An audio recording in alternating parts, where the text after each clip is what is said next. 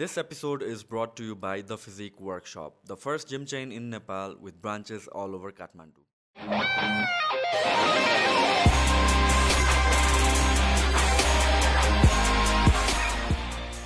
मिङमा David Sharma is a very popular name in the world of mountaineering र उहाँ आज स्टुडियोमा हुनुहुन्थ्यो we talk about his journey कहाँबाट फ्रम नथिङ एउटा स्क्रचबाट बिल्ड गरेर यो इन्डस्ट्रीमा छिर्नुभयो कसरी यहाँसम्म पुग्नुभयो उहाँले रेकर्ड पनि एट वान टाइम क्रिएट गर्नुभएको थियो of being the youngest person to climb all fourteen peaks र आज हाम्रो conversation was revolve around mountaineering the basics beginners गाइडेन्सदेखि लिएर के के डिफिकल्टिजहरू आउ आउँछन् र के के फेसिलिटिजहरू हुन्छ के प्रोसेसेसहरू हुन्छ wild climbing the tallest peaks hope you guys enjoy this podcast सुरु गरौँ है त। सो के हुँदैछ आज आजकल अहिले तपाईँको? अहिले चाहिँ कन्टिन्यू नै त्यो नयाँ माउन्टेनहरूको प्रोजेक्ट कमर्सियली। अहिले चाहिँ नेपालको सबैभन्दा यो स्प्रिङ सिजनको सबभन्दा सुरु माउन्टेन हुने भनेको चाहिँ अन्नपूर्ण अन्नपूर्णको एक्सपिडिसन रन भइरहेछ। अनि त्यस लगतै फेरि दाउलागिरी स्लाइटली पश्चिमबाट चेन्ज हुँदै हुँदै भइदिएर आउँछ त्यसपछि दाउलागिरी त्यसपछि चाहिँ पूर्वतिरको माउन्टेनहरू। एप्रिलबाट चाहिँ पूर्वतिरको माउन्टेन कञ्चनजङ्घा भयो मकालु भयो एभरेस्ट लोचे एक्सपिडिसनको एप्रिल मे चाहिँ बेस्ट टाइम त्यसकै प्रिपेरेसनमा सो बेसिकली माउन्टेनहरू सबै माउन्टेन सबै सिजनमा भनेर हुँदैन सबै माउन्टेनको डिफ्रेन्ट डिफ्रेन्ट टाइमहरू हुन्छ वेदर अनुसारले चढ्ने। नेपालमै पनि जुन चाहिँ एट थाउजन्ड मिटरको माउन्टेनहरूमा पनि एभरेस्ट चाहिँ एकदमै क्लाइम्बिङ गर्नुको योग्य टाइम भनेको चाहिँ एप्रिल मे। अनि मकालुलाई पनि एप्रिल मे मानिन्छ कञ्चनजङ्घालाई पनि एप्रिल मे। र मनासुलु। नेपालभित्रकै माउन्टेन हो तर मनासुलु चाहिँ क्लाइम्बिङ गर्नु बेस्ट भनेको चाहिँ सेप्टेम्बर मानिन्छ। भने अरू माउन्टेनमा चाहिँ त्यति बेला त स्टिल सेप्टेम्बर भनेको त नेपालको त रेनिङ टाइम नै हो। तर सेप्टेम्बरको लागि चाहिँ बेस्ट माउन्टेन चाहिँ मनासुलु क्लाइम्बिङ गर्नु त्यो पिरियडमा मानिन्छ भने त्यसरी स्लाइटली माउन्टेन वाइज अनि अलिकति टेक्निकल कुरा कस्तो छ भने फेरि अटम सिजनमा गयो भने चाहिँ मनासुलुको बेस क्याम्प अडचालिस सय मिटर त्यहाँ चाहिँ पुरा रक मात्रै देखिन्छ रक्की पार्ट नै हुन्छ पुरै। तर स्प्रिङमा गयो भने चाहिँ जुन सेम बेस क्याम्प त्यहाँ स्नोले कभर गरेर कहिले पनि अहिलेसम्म जतिचोटि गए पनि मैले अहिलेसम्म स्नोको पार्टहरू मात्रै देखेको छु कि र रक नै भेटिँदैन। भनिसकेपछि हिमाल नेपालकै भए पनि अलिअलि स्लाइटली हिमाल अनुसार र त्यो त्यो बनावट प्रकृतिको बनावट अनुसार कुन हिमालमा कुन सिजनमा बढी स्नोफल हुने लेस स्नोफल हुने क्लाइम्बिङ गर्नलाई योग्य टाइम मानिने अलिक फरक फरक छ। सो जस्तो कि मनासुलु भन्नु सेप्टेम्बर अक्टोबरतिर बेस्ट टाइम हो जुन चाहिँ रेनी सिजन हुनुपर्ने नेपालमा। सो त्यो त्यो त्यहाँतिर त्यतिखेर पानी पर्दैन र? पानी पर्छ अलिकति एकदमै एट थाउजन्ड मिटरहरूको पनि एकदमै नजिक लेभलसम्म हिमालको थ्री सिक्सटी रेन्ज मध्येको एट्टी पर्सेन्ट जुन चाहिँ रेन्ज अराउन्ड चाहिँ ट्रीको लाइन भएको मनासुलु जुन चाहिँ ब्याकग्राउन्डबाट पनि ट्रीको लाइन एकदम माथिसम्म फ्रन्ट साइडबाट पनि ट्रीको लाइन एकदम माथिसम्म भनेपछि पानी पर्ने टाइम त अलिकति बढी नै हुन्छ स्टिल पानी पर्छ तर अलमोस्ट फाइभ थाउजन्ड फाइभ हन्ड्रेडदेखि माथि चाहिँ स्नोफल त्यो मनि चाहिँ पानी पर्ने त हुन्छ तर त्यति स्टिल ओके क्लाइम्बिङ गर्नलाई चाहिँ सेप्टेम्बर चाहिँ बेस्ट मानिन्छ। सो सो त्यसलाई चाहिँ अनि समर जुन स्प्रिङ सिजन छ नि त स्प्रिङ टाइममा चाहिँ क्लाइम्ब गर्दा चाहिँ त्यो बेटर टाइम होइन र त्यसको लागि चाहिँ? स्प्रिङ सिजनमा चाहिँ अलिकति बढी नै स्नोफल हुन्छ। र त्यो भएर चाहिँ मनासुलु क्लाइम्बिङ गर्नलाई चाहिँ सबभन्दा बेस्ट टाइम अहिलेसम्मको यो अनुभवले र एक्सपिरियन्सको आधारमा चाहिँ सेप्टेम्बर चाहिँ बेस्ट टाइम मानिन्छ। ओके सो म कतिवटा क्वेसनहरू त I I come from like no experience यो माउन्टेनिङ ब्याकग्राउन्डको अनि त्यसपछि जस्तो लेम्यानको पर्सपेक्टिभबाट म सोध्छु है? सो कति कुरा बेसिक हुनसक्छ सो जस्तो कि तपाईँले भन्नुभयो अर्को स्नो देखिनु या रकी रकी स्टेजमा देखिनु माउन्टेनको लागि? नाउ क्लाइम्ब गर्न सजिलो चाहिँ कुन कुन बेला हुन्छ? माउन्टेनमा चाहिँ स्नो भएको नै जुन चाहिँ रक्की मात्रै हुनु भन्दाखेरि स्नो नै हुनु नै बेस्ट टाइम र सजिलो पनि हुन्छ क्लाइम्बिङ गर्नु के कारणले त्यो चाहिँ? जुन चाहिँ रकहरू चाहिँ इजिली फल हुन पनि सक्छ। अनि एउटा फेरि माउन्टेन भन्नु साथै मान्छेको भित्री मनबाट नै त्यहाँ चाहिँ स्नो हुनुपर्छ वाइड हुनुपर्छ भन्ने कन्सेप्ट वाइज पनि छ। अनि जुन चाहिँ हामीले माउन्टेनमा जाँदाखेरि जुन चाहिँ पानी खानेकुरादेखि लिएर पानी बनाउने कुरादेखि सबै त्यो स्नो नै मेल्ट गरेर नै बनाएर पानी बनाएर खाने। जुन चाहिँ एकदमै ड्राई माउन्टेन छ भने चाहिँ कतिवटा माउन्टेनमा चाहिँ पानी बोकेर लगेर जानुपर्ने खालको सिचुएसन पनि भएको छ र मैले आफैले पनि फिल गरेको छु। र जहाँ माउन्टेनमा जुन माउन्टेनमा स्नो छ त्यसमा जति रमाइलो हुनुपर्ने त्यो रकी माउन्टेन भयो भने त्यसमा त्यस्तो माउन्टेन क्लाइम्बिङ गरेको फिल चाहिँ आउँदैन। तर क्लाइम्ब गर्ने नै गर्छु नै हुनु भन्यो भने चाहिँ गर्न सकिन्छ त्यसमा रकीमा पनि अलिक गाह्रो चाहिँ हुने भयो तर। क्लाइम्बिङ गर्नु त रक मात्रैको पार्टलाई एकदम लो लेभलमा इभन काठमाडौँको वरिपरि पनि रक क्लाइम्बिङ मात्रै गर्न त मिलि नै हो, हाल्छ। हो। त्यो उसको फेरि छुट्टै प्रक्रियाको छुट्टै खालको क्लाइम्बिङ मानिन्छ त्यसलाई। स्पोर्ट क्लाइम्बिङ अरू डिफ्रेन्ट त्यसको पार्ट त छुट्टै छ। तर यता माउन्टेन नै क्लाइम्बिङ गर्दा चाहिँ जति स्नो हुनुपर्ने त्यति स्नो छैन भने चाहिँ त्यति रमाइलो चाहिँ फिल चाहिँ हुँदैन। सो मेजोरिटी अफ टाइम्स त तपाईँ त्यो माउन्टेनहरूतिरै हुनुहुन्छ लाइक केही न केही इदर इट्स एक्सपेडिसन या भने आफ्नो पर्सनल क्लाइम्बिङ भयो या भने चाहिँ बिजनेसको पर्सपेक्टिभबाट फ्रम यर कम्पनी सो उतैतिर नै तपाईँ बेस्ड हुन्छ कि like you go back and forth बेला बेलामा? एक- लामो समयदेखि नै म माउन्टेनमै धेरै हुन्थेँ। प्रोजेक्टहरू हुँदाखेरि त लास्ट टु थाउजन्ड नाइन्टिन कति कति इयरहरूमा त म इलेभेन मन्थ जति त माउन्टेनमै हुन्थेँ। तर पछिल्लो समयमा चाहिँ अलिकति बढी काठमाडौँ पनि छु जुन चाहिँ बिगिनर्सहरूको लागि लजिस्टिक प्लान गरिदिनेदेखि लिएर कम्पनीलाई एउटा जुन बेला म आफै कसैको कम्पनीमा काम गर्थेँ अनि आफ्नो तरिकाले क्लाइम्बिङ गर्थेँ भने म त्यो बेला बढी माउन्टेन नै हुन्थेँ। र अहिले चाहिँ आफ्नो पनि एउटा कम्पनी भएकोले बढी जबको अपर्च्युनिटी क्रिएट गर्नको लागि लजिस्टिक म्यानेजमेन्टको लागि चाहिँ म काठमाडौँ अहिलेको समयमा चाहिँ अलिक बढी बसिरहेको छु। सो यो जुन क्लाइम्बिङतिर लाग्छन् कतिजना मान्छेहरू like where does one start from beginning stage चाहिँ के हुन्छ? किनभने चाहिँ वान अफ द कुरा मैले सुन्ने म प्रायः मान्छेहरूकोसँग भन्यो भनेपछि जो क्लाइम्ब गर्न थालिरहेको छ उनीहरू आफ्टर कति मन्थ्स पनि पछि पनि यो फाइभ थाउजन्ड सिक्स थाउजन्ड मिटरको जुन पिकहरू छ या क्लाइम्बिङ जुन मिसनहरू छ त्यहाँतिर पुग्दाखेरि नै गाह्रो हुन्छ अरे। सो त्यो एक्लोमेट कसरी हुन्छ? किनभने चाहिँ अब आई अन्डरस्ट्यान्ड हामीहरूको चाहिँ अब पिपल जो चाहिँ माउन्टेन्समै बस्नुभयो हुर्किनु भयो उहाँबाट त त्यो त्यो एल्टिट्युडमा बस्ने एक्लोमेटाइज भइसकेको हुन्छ। तर बिगिनर्सहरूले चाहिँ कसरी सुरु गर्नु त त्यो? सबैभन्दा सुरुमा माउन्टेन क्लाइम्बिङ गर्नुभन्दा अगाडि कम्तीमा पनि माउन्टेन एउटा क्लाइम्बिङ गर्ने ड्रिम देख्नुभन्दा अगाडि आफ्ना घर वरिपरि भएको घरबाटै सुरु हुन्छ माउन्टेन। जन्मेदेखि नै सुरु हुन्छ। हरेक जुनसुकै खालको फिटनेसमा इन्भल्भ भएर रनिङ गरोस् अथवा फुटसल खेलोस् फुटबल खेलोस् जुनसुकै स्पोर्टमा लाग्यो भने पनि त्यो कुराले माउन्टेनियरिङमा हेल्प गर्छ नै। किनभने फिजिकली र त्योभन्दा पनि सबैभन्दा इम्पोर्टेन्ट चाहिँ फिजिकली त्यत्तिकै फिट हुनु पऱ्यो सबैभन्दा ठुलो चाहिँ मेन्टली त्यत्तिकै प्रिपेयर हुनु पऱ्यो? त्यो चाहिँ फिजिकली मान्छेले एउटा मेन्टली स्ट्रङ र एउटा ड्रिम बोकेको मान्छेले फिजिकल चेन्ज गर्न सक्छ।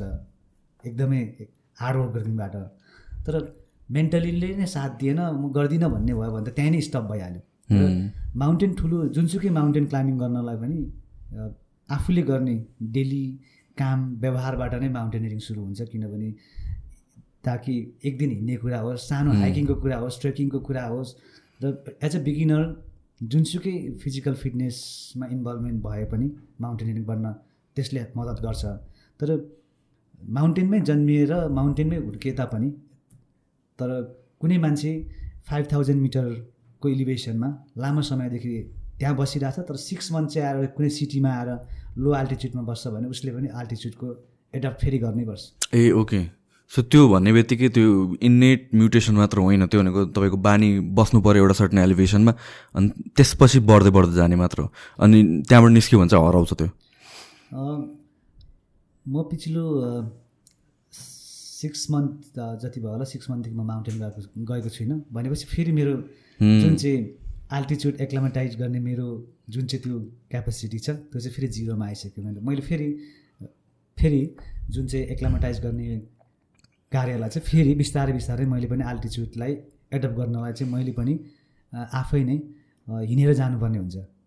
र त्यो चाहिँ सर्ट सर्टेन टाइमको लागि मात्रै अल्टिच्युडलाई एडप्ट गर्छ। म मसँग रहने भनेको कुरा चाहिँ खालि जुन चाहिँ मेरो एक्सपिरियन्स जुन चाहिँ मेरो अनुभव र अल्टिच्युडलाई एउटा एउटा एक्सपिरियन्स मान्छेलाई सहज हुने भनेको चाहिँ खालि म हामीसँग अनुभव हुन्छ एउटा।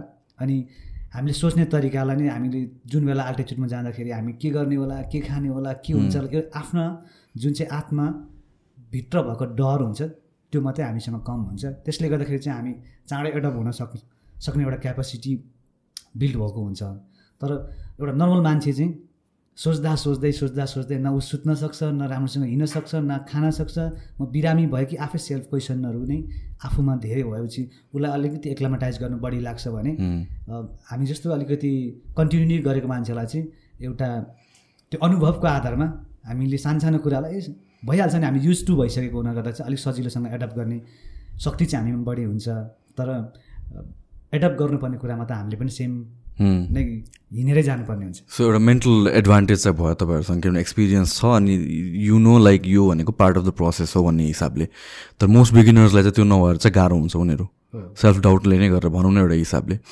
सो यो जुन एक्लोमेटाइज गर्ने नै कुरा छ किनभने दिस इज भेरी क्रिटिकल कति कतिजना चाहिँ फिजिकली नै जुन लिमिटेसन्स छ किनभने एक्सर्साइज गर्ने स्पोर्ट्स खेल्ने मान्छेहरू भए पनि एल्टिट्युड इट्स समथिङ एल्स भनेर भन्छ है कतिजना एक्सपिरियन्स मान्छेहरू पनि। सो जुन यो एउटा seven thousand plus eight thousand plus मिटरको जुन एक्सपेक्टेसनहरू छ त्यसमा त्यसको लागि एक्लोमेटाइज गर्नलाई कति टाइम लाग्छ होला? कस्तो प्रोसेस हुन्छ होला त्यो? सिम्पली चाहिँ कस्तो हुन्छ भने मैले धेरैजना नेपाली ट्रेकर्सहरू स्पेसली मैले देखिरहेको भोगिरहेको मैले लास्ट इयर पनि धेरै न्युजहरू सुनेको थिएँ। नेपाली ट्रेकर्सहरू हाई एल्टिच्युडमा गएर हो। हाई एल्टिच्युडले एक्सपायर भयो भन्ने न्युजहरू सुनेको छु। त्यो चाहिँ कस्तो छ भने भर्खर भर्खर हाम्रो कन्ट्रीमा हाई अल्टिच्युड ट्रेकिङ हाइकिङको कल्चर डेभलप हुँदैछ अनि अलिकति फ्रेन्ड सर्कलमा पनि इगो भएको देख्छु कि किनभने म त हिँड्नु सकिहाल्छु नि। एक दिनमै जति सक्दो बिहानदेखि बेलुकासम्म हिँडिदिने अनि अल्टिच्युड पनि धेरै पार गरिदिने। अनि त्यो कुराले गर्दाखेरि चाहिँ जुन चाहिँ एउटा मा मान्छेको बिगिनरमा एउटा नर्मल मान्छेको अल्टिच्युड चाहिँ एडप्ट हुने प्रोसेस हुन्छ। अनि त्योभन्दा बढी नै एकदमै हिँड्न सक्यो भने पनि बिहानदेखि बेलुकासम्म हिँडिदिने अनि हाई अल्टिच्युड लागेर त्यस्तो हुने खालको प्रब्लमहरू पनि सुन्नमा आएको छ देखेको पनि हामीले अनुभव पनि गरेको छौँ पछिल्लो स केही वर्षहरूमा। तर जो कोहीले पनि अल्टिच्युडमा चाहिँ को स्ट्रङ को लुज भन्ने भन्दा पनि त्यो दिनको आफ्नो फिजिकल जुन चाहिँ स्ट्रेन्थ चाहिँ कस्तो छ त आज मेरो कन्डिसन चाहिँ के हो भनेर यदि बिरामी हुन्छ भने अल्टिच्युडले चाहिँ स्ट्रङ कसैलाई पनि छुट दिँदैन। त्यो चाहिँ एकदमै आफूले आफ्नो बडी कन्डिसनलाई अन्डरस्ट्यान्ड गरेर सकेसम्म चाहिँ एउटा बेसिक लेभलको प्रोसेसबाटै ट्रेकिङ गर्दै गयो भने चाहिँ अल्टिच्युड जो कोहीले पनि एडप्ट गर्न सक्छ जो कोहीले पनि ट्रेकिङ गर्न सक्छ। एउटा अल्टिच्युडमा चाहिँ एउटा स्ट्रङ मान्छे चाहिँ बिरामी भएर रेस्क्यु हुनसक्छ र एउटा नर्मल मान्छे चाहिँ एकदमै उसले चाहिँ आफूलाई सेल्फ रेस्पेक्ट गर्छ नेचरलाई रेस्पेक्ट गर्छ बिस्तारै हिँड्नुपर्छ भन्ने बिस्तारै बिस्तारै आफ्नो तरिकाले हिँड्छ भने उसले चाहिँ मिसन कम्प्लिट गर्छ। तर म बलियो छु म खतरा छु म सबभन्दा छिटो हिँड्नु सक्छु भनेर एकै दिनमा कम्प्लिट गर्न खोज्यो भने चाहिँ कहिले कहिले त्यो चाहिँ मिसन नै अनकम्प्लिट हुन्छ सो यो रेस मेन्टालिटी चाहिँ हुनु भएन मेन कुरा चाहिँ। यो कुनै स्ट्यान्डर्ड एउटा जेनरल गाइडलाइन हुन्छ? लाइक फर इक्जाम्पल यति मिटरसम्म यति मिटर हाई चढ्यो भने म त्यहाँ यति यति आवरसम्म यति दिनसम्म बस्नुपर्ने भनेर त्यो केही जेनरल रुल हुन्छ राम्रो? दुई पच्चिस सय दुई हजार पच्चिस सयदेखि नै मान्छेहरूलाई अल्टिच्युड लाग्न थाल्छ। त्यसदेखि चाहिँ कम्तीमा पनि दिनमा ग्रेजुअली पाँच सय भन्छ है पाँच सय दिनमा पाँच सय पाँच सय हाई अल्टिच्युड गेन गर्ने भन्ने हुन्छ तर त्योभन्दा बढी हजार हजार पनि गेन गरेर हुन्छ कति नेपालको ट्रेनहरू हेर्दाखेरि किनभने एकैचोटि हाई माउन्टेन सुरु हुन्छ। अनि त्यस्तो हजार मिटर एकैचोटि गेन भयो भने चाहिँ अलिकति हाई अल्टिच्युडमा जाने अनि अलिकति हाइक माथि गर्ने अनि बेलुका सुत्ने बेला चाहिँ अलिक तल लो अल्टिच्युडमा आएर सुत्ने। किनभने हाम्रो बडीले हाम्रो ब्रेनले त्यो माथिको अल्टिच्युडलाई चाहिँ अलरेडी उसले चाहिँ त्यो लिइसकेको त्यो एडप्ट गरिसकेको हो र बेलुका सुत्दाखेरि चाहिँ तल आउँदाखेरि चाहिँ अलिकति एक्लामाटाइज हुन सजिलो हुने त्यो चाहिँ हुन्छ। र एकैचोटि धेरै हजार पन्ध्र सय पच्चिस सय नै एकैचोटि अल्टिच्युड एकै सक्यो भने धेरै धेरै गेन गऱ्यो भने चाहिँ त्यो चाहिँ हाम्रो शरीरले एडप्ट गर्न सक्दैन। सो यो जुन क्लाइम्बिङको कन्टेक्समा चाहिँ सबभन्दा गाह्रो टेक्निकल क्लाइम्ब चाहिँ कुन हो? अब टेक्निकली हेर्ने भने चाहिँ एट थाउजन्ड मिटरमा चाहिँ के टू यो चाहिँ सबै नर्मल रुटको कुरा। तर एभरेस्टमै पनि कुन रुटबाट कताबाट भन्ने कुरा अब डिफ्रेन्ट हो। टेक्निकल रुट जाने भने त सबै माउन्टेनमा टेक्निकल पार्ट हो हुन्छ नै। तर कमर्सियली रुट अहिलेसम्म चलेको रुटहरूमध्येमा चाहिँ टेक्निकल रुट चाहिँ के टूको एभरेस्ट चाहिँ होइन कम्पेरिटिभली हामी लाइक सजिलो बाटोबाट गयो भने त्यसमा सजिलो बाटो छ। एभरेस्टमा पनि सजिलो बाटो त भन्न मिल्दैन तर कम्पेरिटिभली हेर्ने भने चाहिँ जोखिमको हिसाबले हेर्ने भने सबै माउन्टेनमा उत्तिकै हुन्छ। कुन माउन्टेनमा कस्तो खालको टिमहरू कति भोल्युममा मान्छेहरू गएर कस्तो खालको गाइडहरू गइरहेछ यसले पनि त्यसको जोखिम र टेक्निकलको कुराहरूलाई निर्धारण सहज गर्ने कुनै हिमालमा एकदमै एभरेस्टमा पाँचजना मात्रै मान्छे जाने भने त्यो हिमाल चढ्नै सक्दैन होला सायद। एकदमै गाह्रो हुन्छ भने चाहिँ किनभने कुनै माउन्टेनमा चाहिँ एकदमै भोल्युममा मेन पावर जुन चाहिँ एभरेस्टमा त अहिले एकदमै भोल्युममा मार्स स्केलमा। धेरैजना मान्छेले ग्रुप एकदम जोइन्ट फोर्सले काम गर्दाखेरि चाहिँ एभरेस्ट सजिलो भइरहेको फिल हुन्छ भने चाहिँ त्यस्तै सानो हिमालमा पनि दुई तिनजना मान्छे मात्रै जाने भने सबै हिमालहरू चाहिँ गाह्रै हुन्छ। तर कतिको चाहिँ कुन हिमालमा कसरी चाहिँ जोइन्ट फोर्सले काम गरेको छ भन्नेले पनि त्यसको डिफिकल्टी चाहिँ निर्धारण गर्छ। यता माउन्टेन वाइज टेक्निकल हेर्ने हो भने चाहिँ केटुलाई मानिन्छ नै। र एभरेस्टमा पनि कम्प्लिटली टेक्निकल छैन भन्न चाहिँ मिल्दैन किनभने जुन चाहिँ खुम्बु आइसफलको क्याम्प बेस क्याम्पदेखि क्याम्प वानको भाग खुम्बु आइसफल भन्छ जुन बेला फेरि अहिले हामी क्लाइमेट चेन्जले गर्दाखेरि त्यो। भत्किने मुभमेन्टहरू एकदम फास्ट भइरहेको हुन्छ र जुन चाहिँ त्यो बेस क्याम्पदेखि क्याम्प वानदेखि टूसम्मको पार्ट चाहिँ त्यहाँ छुट्टै special team Khumbu ice Khumbu icefall डक्टरको टिम भन्छ उनीहरूले फिक्सिङ गर्ने काम हुन्छ भनिसकेपछि उनीहरूको लागि त त्यो जोखिम त झन् बढी भयो। टेक्निकल पार्ट पनि धेरै उनीहरूले रिक्स मलिसक्यो तर नर्मल क्लाइम्बरको लागि त उनीहरूले बना बनाइदिएको बाटोमा भर्याङ्गहरू ता तर्दै तर्दै हिँड्ने कुरा मात्रै भयो भने अब त्यसलाई कसरी जज गर्ने भन्ने मात्रै फरक हो। तर सबै माउन्टेनमा टेक्निकलको कुरा अलिकति जोखिमको कुराहरू त सबै माउन्टेनमा हुन्छ नै। तपाईँले ठ्याक्कै यो क्लाइमेट चेन्जको कुरा गर्नुभयो। अनि त्यसपछि यो माउन्टेनियरिङ वर्ल्डमा क्लाइमेट चेन्ज कतिको कन्सर्न भएर आएको छ र अहिले? माउन्टेनियरिङमा चाहिँ अरू अरू सेक्टरमा भन्दाखेरि माउन्टेनियरिङमा चाहिँ भन्दाखेरि साधारण भाषामा भन्नुभयो मजाले देखिन्छ। किन किन देखिन्छ भने म टु थाउजन्ड थर्टिनमा म एभरेस्ट क्लाइम्बिङ गर्ने टाइममा एकदमै ड्राई सिजन थियो। अनि जुन बेला चाहिँ एभरेस्टको क्याम्फोरदेखि समिट जाने बाटोमा पुरै बिना स्नोको जस्तो थियो अनि डेड बडीहरू टन्नै देखिन्थ्यो। त्यसपछि फेरि स्नो केही साल स्नो बढ्दै बढ्दै बढ्दै गयो। पछिल्लो समयसम्म लास्ट इयरसम्म आउँथ्यो लास्ट इयर सबैभन्दा बढी स्नोफल भयो। काठमाडौँको नजिक नजिक पनि स्नो। देखियो। तर फेरि सेम सिजन यसपालि रिपिट भयो। भर्खर रिसेन्टली आजभोलि हिउँ पर्दैछ। भनिसकेपछि यसपालि पनि एकदमै अस्ति केही रिसेन्टली केही दिनसम्म एकदमै ड्राई थियो। र जुन चाहिँ पहिला लामो समयदेखि त्यो जुन चाहिँ स्नोफल हुने जुन चाहिँ वेदर चेन्जेसको कुरा भयो कहिले अब मनसुन लाग्ने कुरा भयो मनसुनको अगाडि पछाडि यो कुराहरूले गर्दाखेरि कहिले चाहिँ एकदमै पानी पर्दा पनि अस्वाभाविक तरिकाले एकदमै ठुलो पर्ने कुराहरूले गर्दाखेरि यो सबै कुरा देखिने एउटा भयो भने हिमालमा चाहिँ टु थाउजन्ड लास्ट इयर पनि नेपालकै यता मनाङतिर जाने बाटोमा एकदमै त्यो आइसको एउटा ढिक्कै निस्केर आएर पुरै पहिरो आएको हामीले त्यो भिडियोहरू पनि देखेको थियौँ। र एभरेस्टकै रिजनमा पनि हेर्ने भने पहिला पहिलाको जुन चाहिँ एउटा गोरोक्से भन्ने भाग छ त्यहाँनिर चाहिँ पहिला पोखरी थियो भन्ने जुन चाहिँ स्थानीय मान्छेले भन्दा पहिला यहाँ पोखरी थियो भन्ने जस्तो र एभरेस्ट बेस क्याम्पमै हेर्ने हो भने कहिले ग्लासियर लेकहरू मुभमेन्ट हुने ग्लासियरको भागहरू घट्दै जाने जुन चाहिँ एभरेस्टको नजिक वरिपरि हेर्ने भने धेरै लामो समयदेखि कभर भएर बसेको सोलिड आइसहरू पनि मेल्ट भएर त्यो चाहिँ फेरि रिकभरी स्तरमा होइन कि प्रत्येक वर्ष घट्दै घट्दै घट्दै घट्दै गइरहेको यो विगत दस वर्षमा निकै घटेको यो चाहिँ आफैले अनुभव गर्न सकिने भएको हिसाबले गर्दाखेरि चाहिँ माउन्टेनमा चाहिँ क्लाइमेट चेन्जको इम्प्याक्ट चाहिँ देख्न सकिन्छ। सो यो तपाईँहरू एज अ माउन्टेनियरिङ ग्रुप या अर्गनाइजेसन भनौँ होइन लाइक कुनै गभर्मेन्ट बडिजहरूसँग वर्क गरिरहनु भएको छ कि इन्टरनेसनल बडिजहरूसँग वर्क गरिरहनु गरिरहनु भएको छ to combat this climate change या त्यसको के हुनसक्छ होला र अरू सल्युसन अब चाहिँ सबैजनालाई अल ओभर द वर्ल्ड सबैजनाले climate change climate change. Climate change त सबैजनाले भनिरहेको छ तर अब चाहिँ जोइन्ट फोर्सले काम गर्ने बेला पनि आएको छ। खास चाहिँ अनि क्लाइमेट चेन्जमा पनि हाम्रो तर्फबाट के गर्न सकिन्छ भन्ने नै तरिकाले लास्ट इयर हामीले पनि क्लिनिङ क्याम्पेन हो हो। माउन्टेनको क्लिनिङ क्याम्पेन अनि मेन चाहिँ क्लिनिङ क्याम्पेन एकजना व्यक्तिले मात्रै गरेर हुँदैन। सबैजनालाई अवेरनेस हुनु जरुरी छ कि?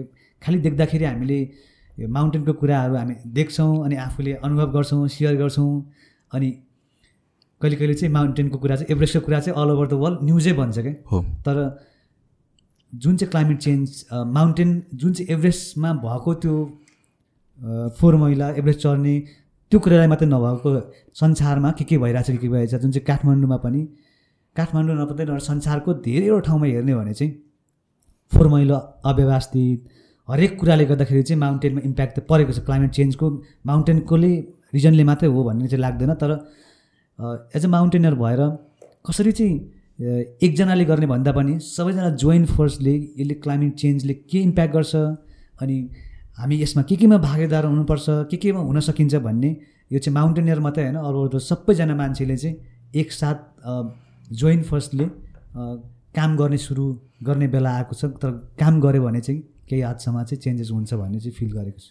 सो यो किनभने यो फोरको इस्यु मैले किन यो तपाईँले ठ्याक्क फोरको इस्यु पनि निकाल्नु भयो नि त। सो यो क्लाइमेट चेन्ज एन्ड एभ्रिथिङ यो रिसेन्ट इयर्समा कपाल अफ इयर्स त भयो नि एकदमै ग्लोबली ह्युज वेमा चाहिँ प्रायोरिटीमा आइरहेको छ हाइलाइटमा आइरहेको छ। अब यो फोरको इस्यु पनि फोर त अहिले अहिले भएको त होइन यो त पहिलादेखि नै एकुमुलेट हुँदै हुँदै आएको बट यो जुन कन्सर्न्स रिगार्डिङ क्लाइमेट या कन्सर्न्स रिगार्डिङ यो फोरहरूको कुराहरू अहिले आएर चाहिँ त्यो बढ्न कम भएको छ र। अहिले चाहिँ पछिल्लो समयमा होइन मा- चाहिँ क्याम्पेन क्लिनिङ क्याम्पेनहरू चाहिँ कन्टिन्युली नै पर इयरले नै गा चलि नै रहेको छ। र अझै यो क्ला- क्लाइमेट चेन्जको माउन्टेन सफा गर्ने कुरा अथवा माउन्टेन मात्रै नभएर कुनै पनि सिटी सफा गर्ने कुरा एउटा व्यक्ति एउटा। संस्थाले मात्रै गरेर चाहिँ पुग्दो हुँदैन। मेन चाहिँ सबैजनालाई नै जुन चाहिँ सोसल अवेरनेस चाहिँ हुनु जरुरी छ। कसैमा व्यक्तिलाई सबैलाई अवेरनेस गरिदियो भने उसले फोहोर नै गर्दैन। हो एक्ज्याक्टली त्यो त्यही त्यो- नगर्ने कुरा कसरी रोक्न सकिन्छ भन्नेतिर लाग्यो भने भएको कसैले गरेको फोहोरलाई ब्लेमिङ गर्ने त्यसलाई निकाल कसै गरेर निकाल्ने सफा गर्ने भन्दा पनि फोहोर हुनबाट कसरी बच्ने भन्ने तरिकाले लाएर भएको फोहोरलाई सफा गऱ्यो भने माउन्टेन सफा गर्न कुनै पनि सिटी सफा गर्न काठमाडौँ सफा गर्न त्यत्रो ठुलो विषय होइन होला। तर भइरहेको फोहोरलाई कसरी रोक्ने भन्ने एउटा त्यो मोडलिटीमा गएर काम गरियो भने चाहिँ अभियसली माउन्टेन मात्रै होइन काठमाडौँ कुनै जुनसुकै सिटी पनि सफा हुने तर नभएको चाहिँ जुन कसैले चाहिँ कुरा गर्ने कसैले चाहिँ एउटा संस्थाले चाहिँ काम गर्ने बाँकीले चाहिँ फोहोर गरिदिने मात्रै त्यो कुराहरू त्यो चाहिँ एकअर्कामा इन्टर कनेक्टेड नभएको गर्दा चाहिँ कन्टिन्यू कसैले सफा गर्ने कसैले फोहोर गरिदिने भएर चाहिँ त्यसरी चाहिँ कुनै पनि माउन्टेन कुनै पनि सिटी सफा चाहिँ हुँदैन। सो फोर गर्ने प्रोसेस अहिले पनि कन्टिन्यू नै भइरहेछ? अब यदि यदि त्यो फोहोर गर्ने प्रोसेस कन्टिन्यू हुँदैन थियो भने त आजसम्म त सफा हुनु पर्थ्यो होला नि। स्टिल फोहोर त देखिन्छ क्लिनिङ त क्लिनिङ त एउटा पार्ट भयो होइन?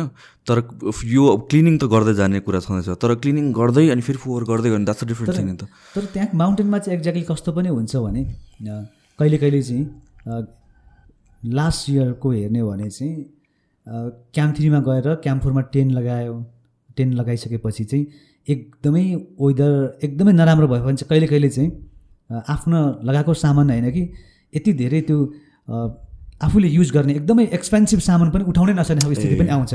त्यो कति चाहिँ माउन्टेनको फोहोरहरू चाहिँ कति चाहिँ चाहेर हुन्छ होला कति चाहिँ चाहँदा चाहँदै पनि नसकेर तर नेक्स्ट इयर त त्यसलाई ल्याउन त सकिन्छ नि। यो एक साल रह्यो भने पनि अर्को साल त उठाएर ल्याउन सकिन्छ। तर त्यो आजको यही साल गर्नु नसक्ने अर्को साल गर्नु सक पनि नसकिने भन्ने चाहिँ होइन। तर त्यसलाई चाहिँ कसरी सकेसम्म कसरी रोक्न सकिन्छ भन्ने विधिबाट गयो भने माउन्टेन सफा गर्न त्यति धेरै ठुलो विषयको कुरा चाहिँ होइन। उम्, सो यो क्लिनिङ पनि अर्को कुरा भनेको जुन यो डेड बडिजहरू कतिवटा क्लाइम्बर्सहरूको छ लाइक रिगार्डिङ रिसेन्टली तपाईँहरूको मुभी पनि अर्को निस्किएको छ होइन? फाइन माइकल भनेर। सो यो डेड बडिजहरू पनि फेरि रिकभर गर्नु is it kind of normal कि हतपति मान्छेहरूले मतलब गरिँदैन? त्यो चाहिँ कस्तो भने डेड बडी नै रिकभरी गर्ने एउटा कुरा त एक्सपेन्सिभ हुन्छ। किनभने एउटा डेड बडी एक थाउजन्डबाट बेस क्याम्पसम्म निकालेर ल्याउनु भनेको कम्तीमा पनि पाँच छजना मेन पावर त्यो पाँच छजनाको मेन पावर भनेको त्यो पनि डेड बडी गएर निकाल्न सक्ने मान्छे भनेको अलिकति स्किलफुल अलिकति आल्टिच्युडमा पनि काम गर्न सक्ने अलिकति त्यही खालको अलिकति अनुभवी मेन पावर चाहिन्छ। र त्यो मेन पावरहरूलाई खर्च गर्नलाई एउटा डेड बडीलाई काठमाडौँसम्म ल्याउनलाई तिस पैँतिस चालिस लाख रुपियाँ लागिहाल्छ। अब त्यो कसले इफोर्ड गर्ने कुन बाटोबाट गर्ने भन्ने तरिकाले गऱ्यो भने चाहिँ त्यो डेड बडी ल्याउनै नसकिने एभरेजको डेड बडी उठाउन नसकिने भन्ने त होइन। तर यो सालको डेड बडी अर्को साल त उठाउन सकिन्छ नि।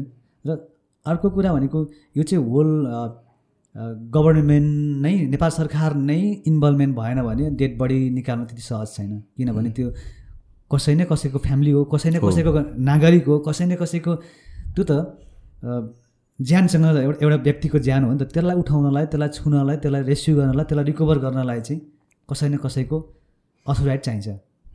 यसमा चाहिँ नेपाल गभर्मेन्टले नै अथोराइट दिएर इनिसिएसन गर्यो भने माउन्टेनको डेड बडी उठाउन नसक्ने भन्ने चाहिँ होइन। सो किनभने हामीले यो सुन्दाखेरि त अब न्युजमा सुनिन्छ या भन्छ आर्टिकलहरूमा सुनिन्छ यतिवटा डेड बडिज त यस्तो भनेर होइन? अब हाम्रो लागि त we cannot relate to it किनभने हाम्रो नम्बर्स मात्र देखायो।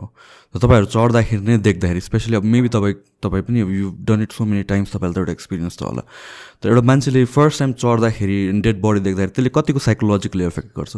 म मलाई एउटा अनुभव छ। टु थाउजन्ड टेनमा म जुन बेला उन्नाइस वर्षको थिएँ एभरेस्ट क्लाइम्बिङ गर्न गएको थिएँ एकदमै पपुलर छ नर्थ साइडबाट ग्रिन बुट भन्छ।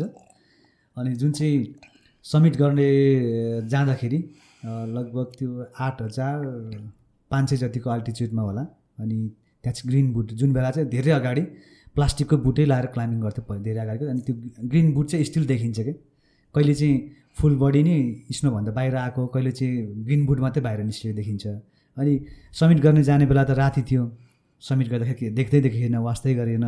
सुनसी समिट गयो। फर्केर आउँदाखेरि चाहिँ दिउँसोको टाइम थियो अनि ग्रिन बुट देखेँ एकदमै अब उन्नाइस वर्षको उमेरमा एभरेस्ट चलेर फर्किँदै गरेको एकदमै थकित हिँड्न नै गाह्रो हुने स्थितिमा आइरहेको थिएँ अनि जुन बेला चाहिँ मैले ग्रिन बुट देखेँ सो एउटा बुट हो त्यो। ग्रिन बुट भने एउटा एकजना मान्छेको बडी एकजना बडीको डेट हो। जुन बेला चाहिँ होल बडी चाहिँ स्नोभित्र कभर भएको र ग्रिन बुट चाहिँ हाफ बडी चाहिँ देख्ने अनि म त्यहाँ छेउमा आइसकेपछि चाहिँ मेरो जुन चाहिँ क्लाइम्बिङ गर्ने क्लाइम्बर साथीहरू चाहिँ अलिक अगाडि भइ गइसकेको थियो कि। एकदमै थकित भए पनि मलाई के भयो भने त्यतिखेर चाहिँ एकदम डरले छिटो छिटो दौडिन मन लाग्यो। अनि त्यो भन्नुको मतलब त्यो दौडिने ठाउँ सक्ने ठाउँ पनि होइन। त्यति धेरै थकित थिएँ तैपनि एउटा मान्छे नर्मल तरिकाले दौडिनु भनेको त त्यो डरले दौडाएको हो नि। त्यो बेला जे पनि हुनसक्छ नि। भनिसकेपछि त्यो बेला मलाई त्यस्तो थियो। पछि बिस्तारै बिस्तारै धेरै काम गर्दा युज टु त भयो। अनि त्यसपछि टु थाउजन्ड एट्टिनमा एउटा मलाई अनुभव छ। नर्थ कल एभरेस्ट नेपाल साइडबाट डेड बडी देखेर एकजना एउटा क्लाइम्बर क्लाइम्बिङ गर्दै जान्छ। उसले एभरेस्टको समिट पुग्ने नजिकै एउटा डेड बडी देख्छ अनि ऊ चाहिँ रोकिएर हेर्छ हेर्दा हेर्दै सर्टेन टाइमपछि ऊ हेरेको हेरेकै बोल्न छोड्छ सर्टेन टाइमपछि आधी घन्टा पैँतालिस मिनटपछि ऊ डेटै हुन्छ क्या फेरि। Second person just dead body देखेर? भनिसकेपछि अब त्यो आल्टिच्युडमा एउटा कुरा त एट थाउजन्डभन्दा माथि त्यो डेड जोनमा अब अलरेडी ल्याक अफ अक्सिजन हुन्छ फिजिकल्ली मेन्टली सबै खर्च गरेर थकित भइरहेको हुन्छ उसको मेन्टलले अब एउटा मान्छे मर्नु भनेको त। सजिलै मर्नु मात्रै होइन नि। उसको उसले सोच्ने तरिकाले उसलाई सोच्दै जाँदाखेरि कति उसले चाहिँ कति कसरी सोध्छ भन्ने तरिकासँग पनि जोडिन्छ जस्तो लाग्छ। त्यो भएर एउटा नर्मल मान्छेले डेड बडी आँखाले देख्नु त्यो नर्मल चिज चाहिँ होइन। त्यही त। त्यो त्यो भएर सकेसम्म चाहिँ एउटा बिगिनर मान्छेको लागि एउटा नर्मल मान्छेको लागि जसले चाहिँ डेड बडी नै देखेको छैन त्यस्तो मान्छेले डेड बडी देख्नु चाहिँ ब्रेनको लागि एउटा एउटा मान्छेको लागि त्यो सजिलोको विषय नै होइन। सो तर डेड बडी एन्काउन्टर गर्नु कतिको कमन कुरा हो? त्यसलाई अब एभरेस्टमा चाहिँ जुनसुकै माउन्टेन भन्दा पनि एभरेस्टमा चाहिँ प्रायः देखिन्छ तर सकेसम्म त्यसलाई निकाल्ने प्रोसेस गरियो भने निकाल निकाल्दा चाहिँ बेस्ट नै हुन्छ जस्तो लाग्छ मलाई चाहिँ। सो जुन मुभी तपाईँहरूको यो रिसेन्टली बेस्ड अफ फाइनिङ माइकल भने सो त्यो बडी निकाल्ने भनेर चाहिँ लाइक फ्रम द फ्यामिलीकै साइडबाट आएको त्यो। हजुर त्यो चाहिँ नाइन्टिन नाइन्टी नाइनमा जुन बेला चाहिँ ऊ चाहिँ क्लाइम्बर हुँदाखेरि बुढिसको यङ्गेस्ट पर्सन भएर क्लाइम्बिङ गरेको रहेछ अनि अहिले चाहिँ तेइस वर्ष पछाडि चाहिँ आफ्नै फ्यामिलीबाट आफ्नै यङ्गर ब्रदरले चाहिँ जुन चाहिँ उसलाई चाहिँ खोजेर घरमा लाने भन्ने खालको नै प्लानमै ऊ आएको र त्यस त्यस त्यही अन्तर्गत चाहिँ यो फिल्म बनेको सो यो रिस इज सो मुभी बनाउने म यो फिल्म बन्ने हल्का प्रोसेसको बारेमा हल्का सबैलाई सोध्छु है।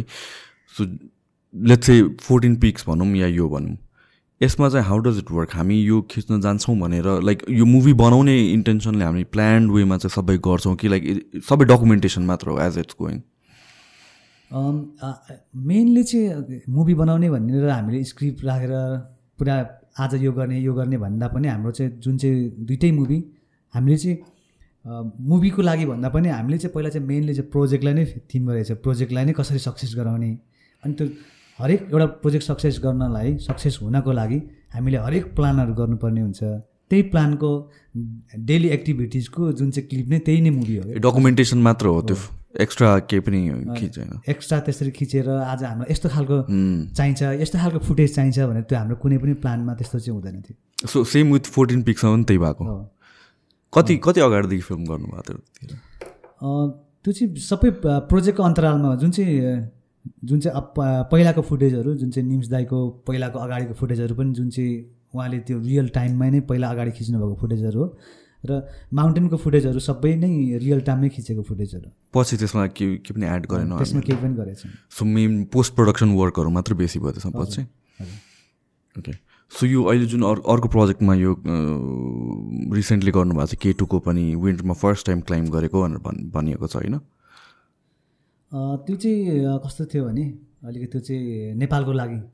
नेपालको लागि नेपाली क्लाइम्बर्सको लागि त्यो चाहिँ एकदमै एचिभमेन्टको कुरा हो। किनभने अलिकति त्यसको ब्याकग्राउन्ड त नाइन्टिन फिफ्टी थ्रीदेखि एभरेस्टमा नेपाली क्लाइम्बर्सहरूले एकदमै धेरै माउन्टेन क्लाइम्बिङ गर्दै आयो। नेपाली क्लाइम्बर्सहरू अति नै धेरै क्लाइम्बिङ गरि नै रहेको छ। र तर त्यो विन्टरसम्म चाहिँ के टु विन्टर हामीले जुन गर्नेसम्म चाहिँ विन्टर एट थाउजन्ड एसएन चाहिँ नेपालीहरूले गरेको पनि छैन रहेछ कि? लाइक के टूमा मात्र कि इन जेनरल कहीँ पनि? काहीँ पनि। कुनै पनि ओके कुनै पनि माउन्टेन एउटै मात्रै माउन्टेन बाँकी थियो। इन्टरनेसनल कम्युनिटीमा हेर्ने भने चाहिँ नेपाली माउन्टेनियरिङ कम्युनिटी चाहिँ एकदमै स्ट्रङ छ भन्ने छ। कतिले जेनेटिकली नै स्ट्रङ छ भन्ने कुराहरू छ। अनि स्ट्रङ छ भन्ने त इन्टरनेसनली त्यो नेपालीहरूको क्लाइम्बर्सहरूको जुन इन्टरनेसनल जुन चाहिँ एउटा छवि थियो। तर त्यति हुँदा हुँदै पनि विन्टर क्लाइम्बिङ चाहिँ कसैले पनि एट थाउजन्ड मिटर समिट गरेको छैन रहेछ। त्यसपछि चाहिँ हामीले विगत अलिक केही लामो समयदेखि नै विन्टर केटु गर्ने विन्टर केटु गर्ने क्लाइम्बरहरूमा भित्र नै हाम्रो कुराहरू हुन्थ्यो। अनि त्यसपछि टु थाउजन्ड ट्वेन्टीमा चाहिँ ट्वेन्टी वानमा चाहिँ हामीले चाहिँ अब कोभिड पनि भयो। हामी क्लाइम्बिङ गर्नलाई जस्तै अब एक अर्काको कन्ट्रीमा भिजिट गर्न पनि नपाउने भित्र बस्नुपर्ने हामी पुरै इन्टरनेसनल्ली नै सबै एउटा कोभिडले गर्दाखेरि तस तस भएर बसेको स्थिति थियो। अब के गर्ने के गर्ने भन्दै कुरा गर्दै जाँदाखेरि चाहिँ विन्टर केटु गर्ने यही टाइममा भन्ने तरिकाले हामी चाहिँ विन्टर केटुको टिम फर्मेट भयो अनि त्यसमा पनि डिफ्रेन्ट टिमहरू थियो।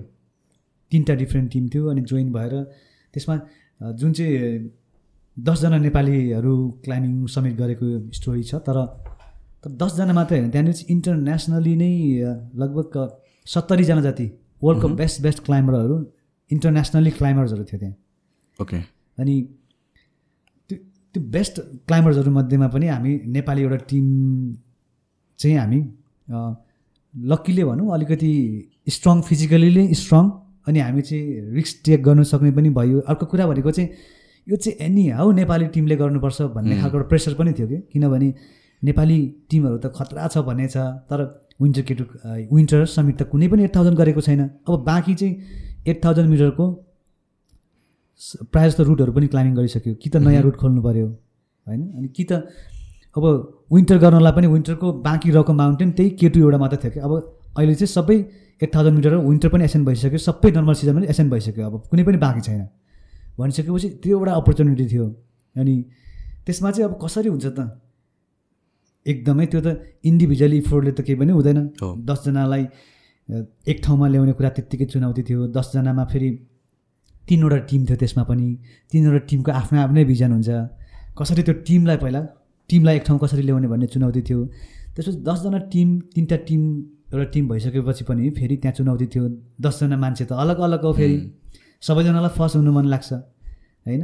अनि यसो को फर्स्ट पुग्छ त्यो त्यसमा पनि रिस हुन्छ। हुन्छ ओके त्यही हो। कुनै अहिले चाहिँ अब कस्तो हो भने जुन चाहिँ केटुको विन्टर एसएन हेऱ्यो भने दसजना व्यक्तिको मान्छे मात्रै नाम भयो त त्यति धेरै इन्ट्रेस्टिङ भयो। हामीलाई पनि त्यस्तो दसजना मान्छेको नाम त्यहाँ रहने नरहनेसँग त सरोकार त्यति धेरै ठुलो विषय होइन नि।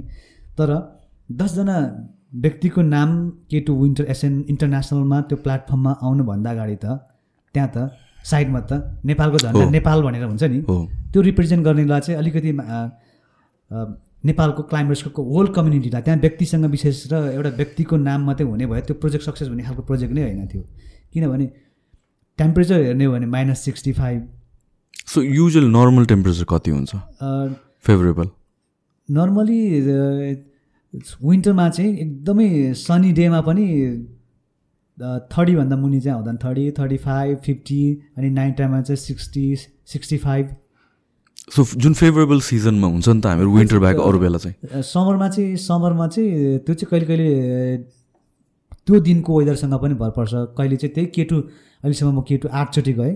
तर समरमा जाँदाखेरि चाहिँ एकचोटि जाँदाखेरि चाहिँ टु थाउजन्ड फोर्टिनमा सब्मिट गर्ने बेला चाहिँ मैले टी सर्ट समिटको सर्टेन भाग चाहिँ पुरा टी सर्ट मात्रै लगाएर क्लाइम्बिङ गरेँ। त्यो चाहिँ एक्ज्याक्टली यस्तै हुन्छ भन्न सकिँदैन। कहिले कहिले चाहिँ एकदमै त्यो टेम्परेचर हिट पनि भएको हुन्छ। त्यो चाहिँ त्यो दिनको दिनमा फरक हुनसक्छ तर नर्मली चाहिँ अब माइनस दस पन्ध्र दस पन्ध्र बिस भनेको त माउन्टेनमा हुन्छ नै। तर माइनस सिक्सटी फाइभ भनेको चाहिँ त्यहाँ केही तलमाथि एक मात्रै मिस्टेक भयो भने विदिन फाइभ मिनटमा चाहिँ डेटै हुन्छ जस्तो लाग्छ मलाई चाहिँ।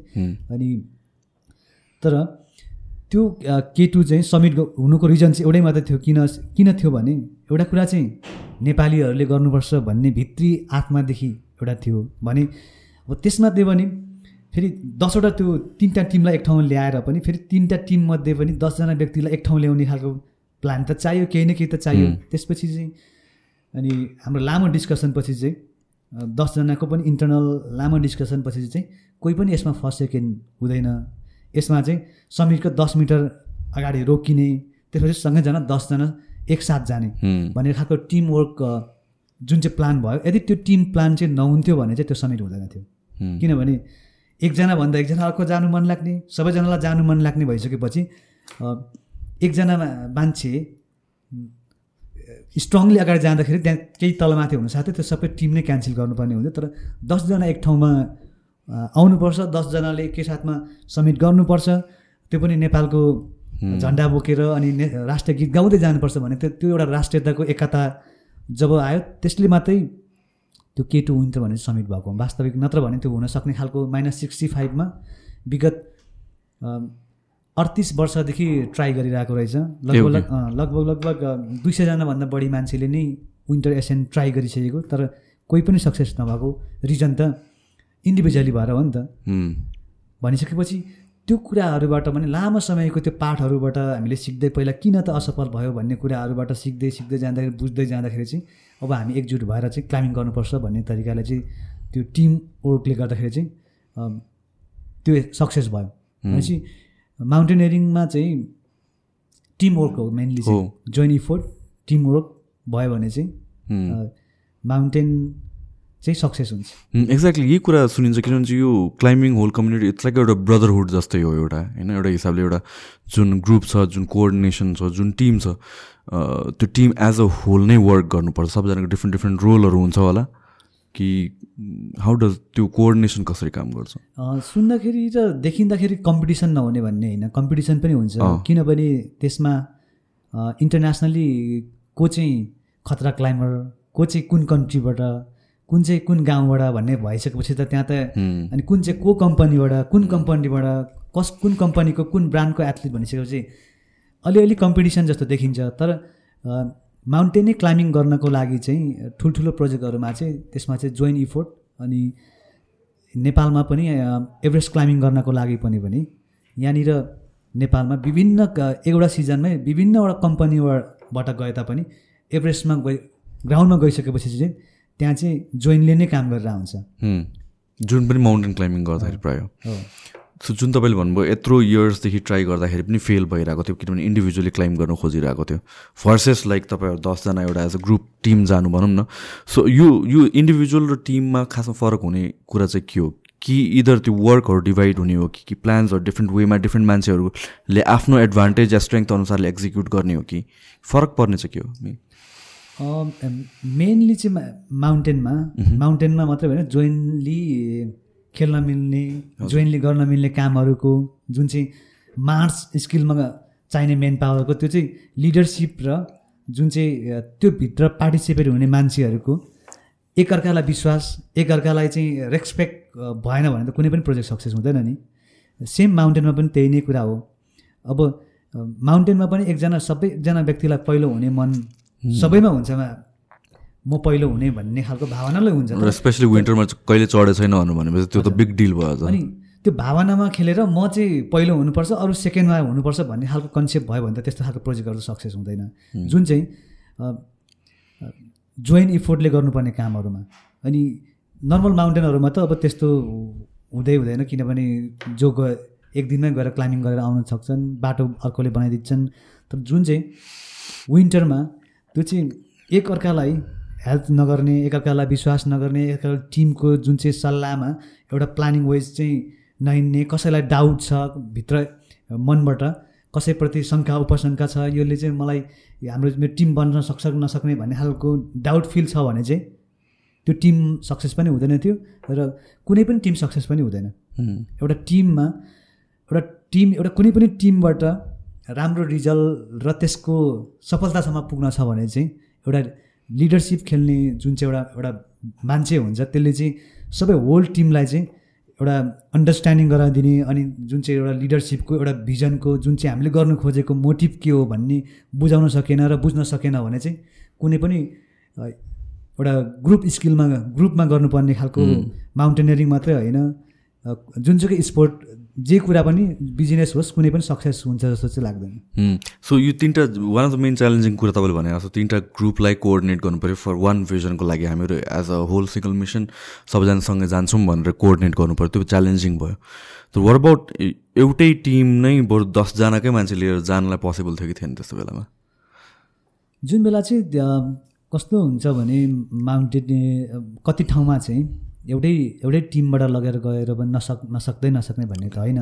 तर जुन बेला चाहिँ जुन बेला हामी केटु जाने बेला चाहिँ त्यो एउटै त्यति धेरै मजाले टिम हुने भन्ने खालको सिचुएसन पनि थिएन। जुन चाहिँ कोभिडको टाइम थियो एउटा कुरा त्यो भएको भए त अझै अझै राम्रो हुन्थ्यो। तर हामी नेपाली दसजना मध्येमा पनि त्यो दसजनाको टिम एक ठाउँमा आउनलाई पनि हामी पाकिस्तानमा गएर जुन चाहिँ ग्राउन्डमा गएर त्यसपछि चाहिँ एकअर्कालाई चाहिँ हामी नेपाली भएर क्लाइम्बिङ गर्ने हामी हुने भने त्यहाँ गएर फिल्डमा कुरा गर्ने गरेर जाने कुरा भन्दा त यहीँ सुरुमै एउटा टिम बनेको भए त अति नै राम्रो हुन्थ्यो। सजिलो नै हुन्थ्यो। तर कहिले कहिले अब त्यो त्यो लक्कीले त्यहीँ टिम बनेको अब हामीले त्यही केटु विन्टरलाई पनि हामी नेक्स्ट इयर पनि डा गरेर एउटा नेपाली टिम बनाउन त सक्थ्यौँ नि। तर हामी नेपाली टिम त अर्को साल त दसजना बन्न सक्थ्यौँ होला अथवा पन्ध्रजना बन्न सक्थ्यौँ होला तर केटुको त विन्टर एसन त सकिसक्थ्यो नि त। कहिले कहिले चाहिँ अब हामी के को लागि गर्दैछौँ त? हरेक कुराको टाइम हुन्छ। टाइम फ्रेम हाम्रो लास्ट टाइम भनेको नै त्यो केटु विन्टर थियो अब त्यो त क्लोज भइसक्यो नि। अब फर्स्ट केटु विन्टर त कोही पनि बन्न सक्दैन नि अब त। सो इन्टरनेसनल कम्युनिटीमै अब चाहिँ यो यसपालि चाहिँ केटु विन्टर एसेन्ट गर्ने नै भनेर प्लान थियो। इन्टरनेसनल पनि कस्तो थियो भने संसारभरि नै कोभिड लागिसकेपछि चाहिँ ट्राभल गर्ने खालको त्यति सहज थिएन। जुन चाहिँ इन्टरनेसनली नै जुन चाहिँ माउन्टेनियरिङ कोर माउन्टेनियरिङ कम्युनिटी चाहिँ अब त्यो कहाँ न कहाँ हिमाल चढ्ने बानी घुम्ने बानीले कहाँ जाउँ कहाँ जाउँ भइरह भइरहेको फिल भएको थियो। नेपालमा त टोटली एक्सपिडिसन बन्दै भयो नेपालमा। अनि समरमा चाहिँ पाकिस्तान खोलिसकेपछि चाहिँ नर्मली विन्टर भन्नु साथै पाँचजना दुईजना तिनजना पाँचजना दसजना धेरैमा त्योभन्दा बढी ग्रुप गएको थिएन जस्तो लाग्छ मलाई। तर जब कोभिड आयो नेपालको एक्सपिडिसन स्प्रिङ सिजन बन्द भयो अनि जुन जुलाईको टाइममा पाकिस्तान पनि बन्द भएछ विन्टरमा एकैचोटि खोलिसकेपछि त यति धेरै मान्छे आयो कि अराउन्ड सिक्सटी फाइभ प्लस मान्छे थियो त्यो पनि इन्टरनेसनली बेस्ट क्लाइम्बर्स मात्र थियो। सो यो युजली क्लाइम्ब गर्दाखेरि जुन तपाईँले भन्नुभयो मल्टिपल टाइम्स तपाईँले पहिला पनि क्लाइम्ब गरिसक्नुभयो होइन? समरको टाइममा सो यसपालि विन्टरको टाइममा क्लाइम्ब गर्दाखेरि अपार्ट फ्रम टेम्परेचर मात्र होइन? के डिफ्रेन्स पाउनुभयो तपाईँले खासमा? मैले चाहिँ अहिलेसम्म त्यो फिल गरेको भन्ने चाहिँ कस्तो भने समर नर्मल सिजन र विन्टरको त्यो एकदमै त्यो त्यो टेम्परेचरमा चाहिँ जुन चाहिँ हामीले समरमा समरमा मैले त्यहीँ म अहिलेसम्म के टु आठचोटि गएको छु। र समरमा समरमा म पहिले टु थाउजन्ड एटिनमा बाटो बनाउने टिम लिड गरेको थिएँ मैले। अनि बेस क्याम्पदेखि क्याम्प टू गएँ। क्याम्प टूबाट बाटो बनाउँदै गएर क्याम्प थ्री फिक्स गरेँ फर्केर आएर बेस क्याम्प आएँ। नेक्स्ट डे फेरि अक्सिजन ड्रफ गर्नुपर्ने हुन्छ। छवटा अक्सिजन बोतल बेस क्याम्पबाट बोकेर क्याम्प थ्री ड्रफ गरेर भोलिपल्ट बेस क्याम्प आएको थिएँ। भनेपछि विन्टरमा त त्यो त इम्पोसिबल हामी विन्टरमा बेस क्याम्पबाट निस्किएर क्याम्प वान पनि पुग्न नसकेको। अनि जस्तै समरमा लास्ट समरमा मैले केटुको डबल एसएन गरेको थिएँ। अनि हामी चारजना नेपालीहरू थियौँ। चारजना नेपालीहरूको चाहिँ के टू समेत गएको चार चारचोटि भएको थियो। क्या चारजना नेपालीहरू बिचमा चार चारचोटि भएको थियो।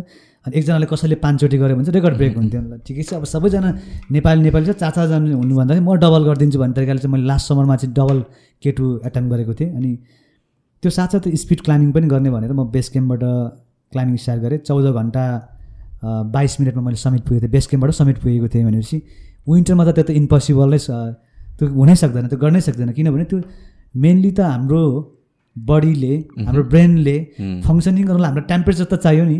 त्यो टेम्परेचर नै हामीसँग बेसिक लेभलको टेम्परेचर जुन चाहिँ मिनिमम हाम्रो बडीलाई चाहिनुपर्ने टेम्परेचर नै प्रड्युस हुँदैन। हामीलाई त्यो मान्छे बाँच्नको लागि नै त्यो टेम्परेचर नै योग्य छैन भने त हामी हिँड्न त सक्ने कुरै भएन। एन्ड यो भनेको regardless of any kind of तपाईँको क्लाइम्बिङ सुट या एभ्रिथिङ जस्तो बेस्ट लाग्यो भने पनि यसको एफेक्ट त हुन्छ हुन्छ नै हुन्छ। किनभने एउटा जतिसुकै तातो लुगा लगायो भने पनि एउटा मान्छेलाई छिटो हिँड्नलाई कम्फर्टेबल पनि त्यत्तिकै चाहियो। होइन? लुगा लाउँदाखेरि तातो न्यानो त हुन्छ। तर हामीले प्रत्येकचोटि हामी फेरि जुन चाहिँ सास फेर्ने क्रममा त हामी त फेरि बोतलको अक्सिजनले मात्रै होइन बाहिरको जुन चाहिँ इयर प्रेसर इयर त्यो टेम्परेचर इयर प्रेसरले नै गर्दाखेरि हामी त्यो नर्मल सिजन जस्तो हामी त्यसरी मुभमेन्ट त्यसरी हाम्रो एक्टिभिटिज त्यति फास्ट तरिकाले चाहिँ गर्नै सक्दैन। सो यो जुन क्लाइम्ब गर्नुभयो त्यसमा चाहिँ कम्प्लिटली तपाईँले भन्नुभयो जुन कम्प्लिटली अक्सिजन लिएर मात्र पनि क्लाइम्ब गर्न सकिँदैन अक्सिजन मात्रैले पनि हुँदैन। पहिला सुरु कुरा त क्लाइम्बिङ गर्नको लागि यदि सबैभन्दा सुरु त फिजिकली सबैभन्दा नम्बर वान मेन्टली पनि हुनु पऱ्यो फिजिकली पनि हुनु पऱ्यो वेदर पनि साथ दिनु पऱ्यो र अक्सिजन अक्सिजन भनेको चाहिँ सेकेन्डरी कुरा मात्रै हो। सो सकेसम्म अक्सिजन युज गर्न खोजिँदैन? अक्सिजन युज गर्छ तर कस्तो सिचुएसनमा भन्ने कुरा हुन्छ। ओके चाहियो भने मात्र। अघि नर्मली मान्छेले एक थाउजन्ड मिटर क्लाइम्बिङ गर्दाखेरि बढीभन्दा बढीले अक्सिजन नै युज गरिरहेको हुन्छ। तर अब अक्सिजन ला लगाउँदैमा समिट गर्न सकिन्छ भन्ने चाहिँ होइन। तर सजिलो त पार्छ होला केही हदसम्म। डेफिनेटली अक्सिजनले सजिलो त पारि नै हाल्छ सो फोर्टिन पिक्समा पनि देखाउँदाखेरि तपाईँहरूले विदाउट अक्सिजन क्लाइम्ब गरे भनेर भन्नुभयो। फोर्टिन पिकमा चाहिँ नर्मली मैले एउटै मात्रै माउन्टेन विदाउट अक्सिजन त्यो पिरियडभित्र चाहिँ मनासुलु विदाउट अक्सिजन क्लाइम्ब गरेको थिएँ।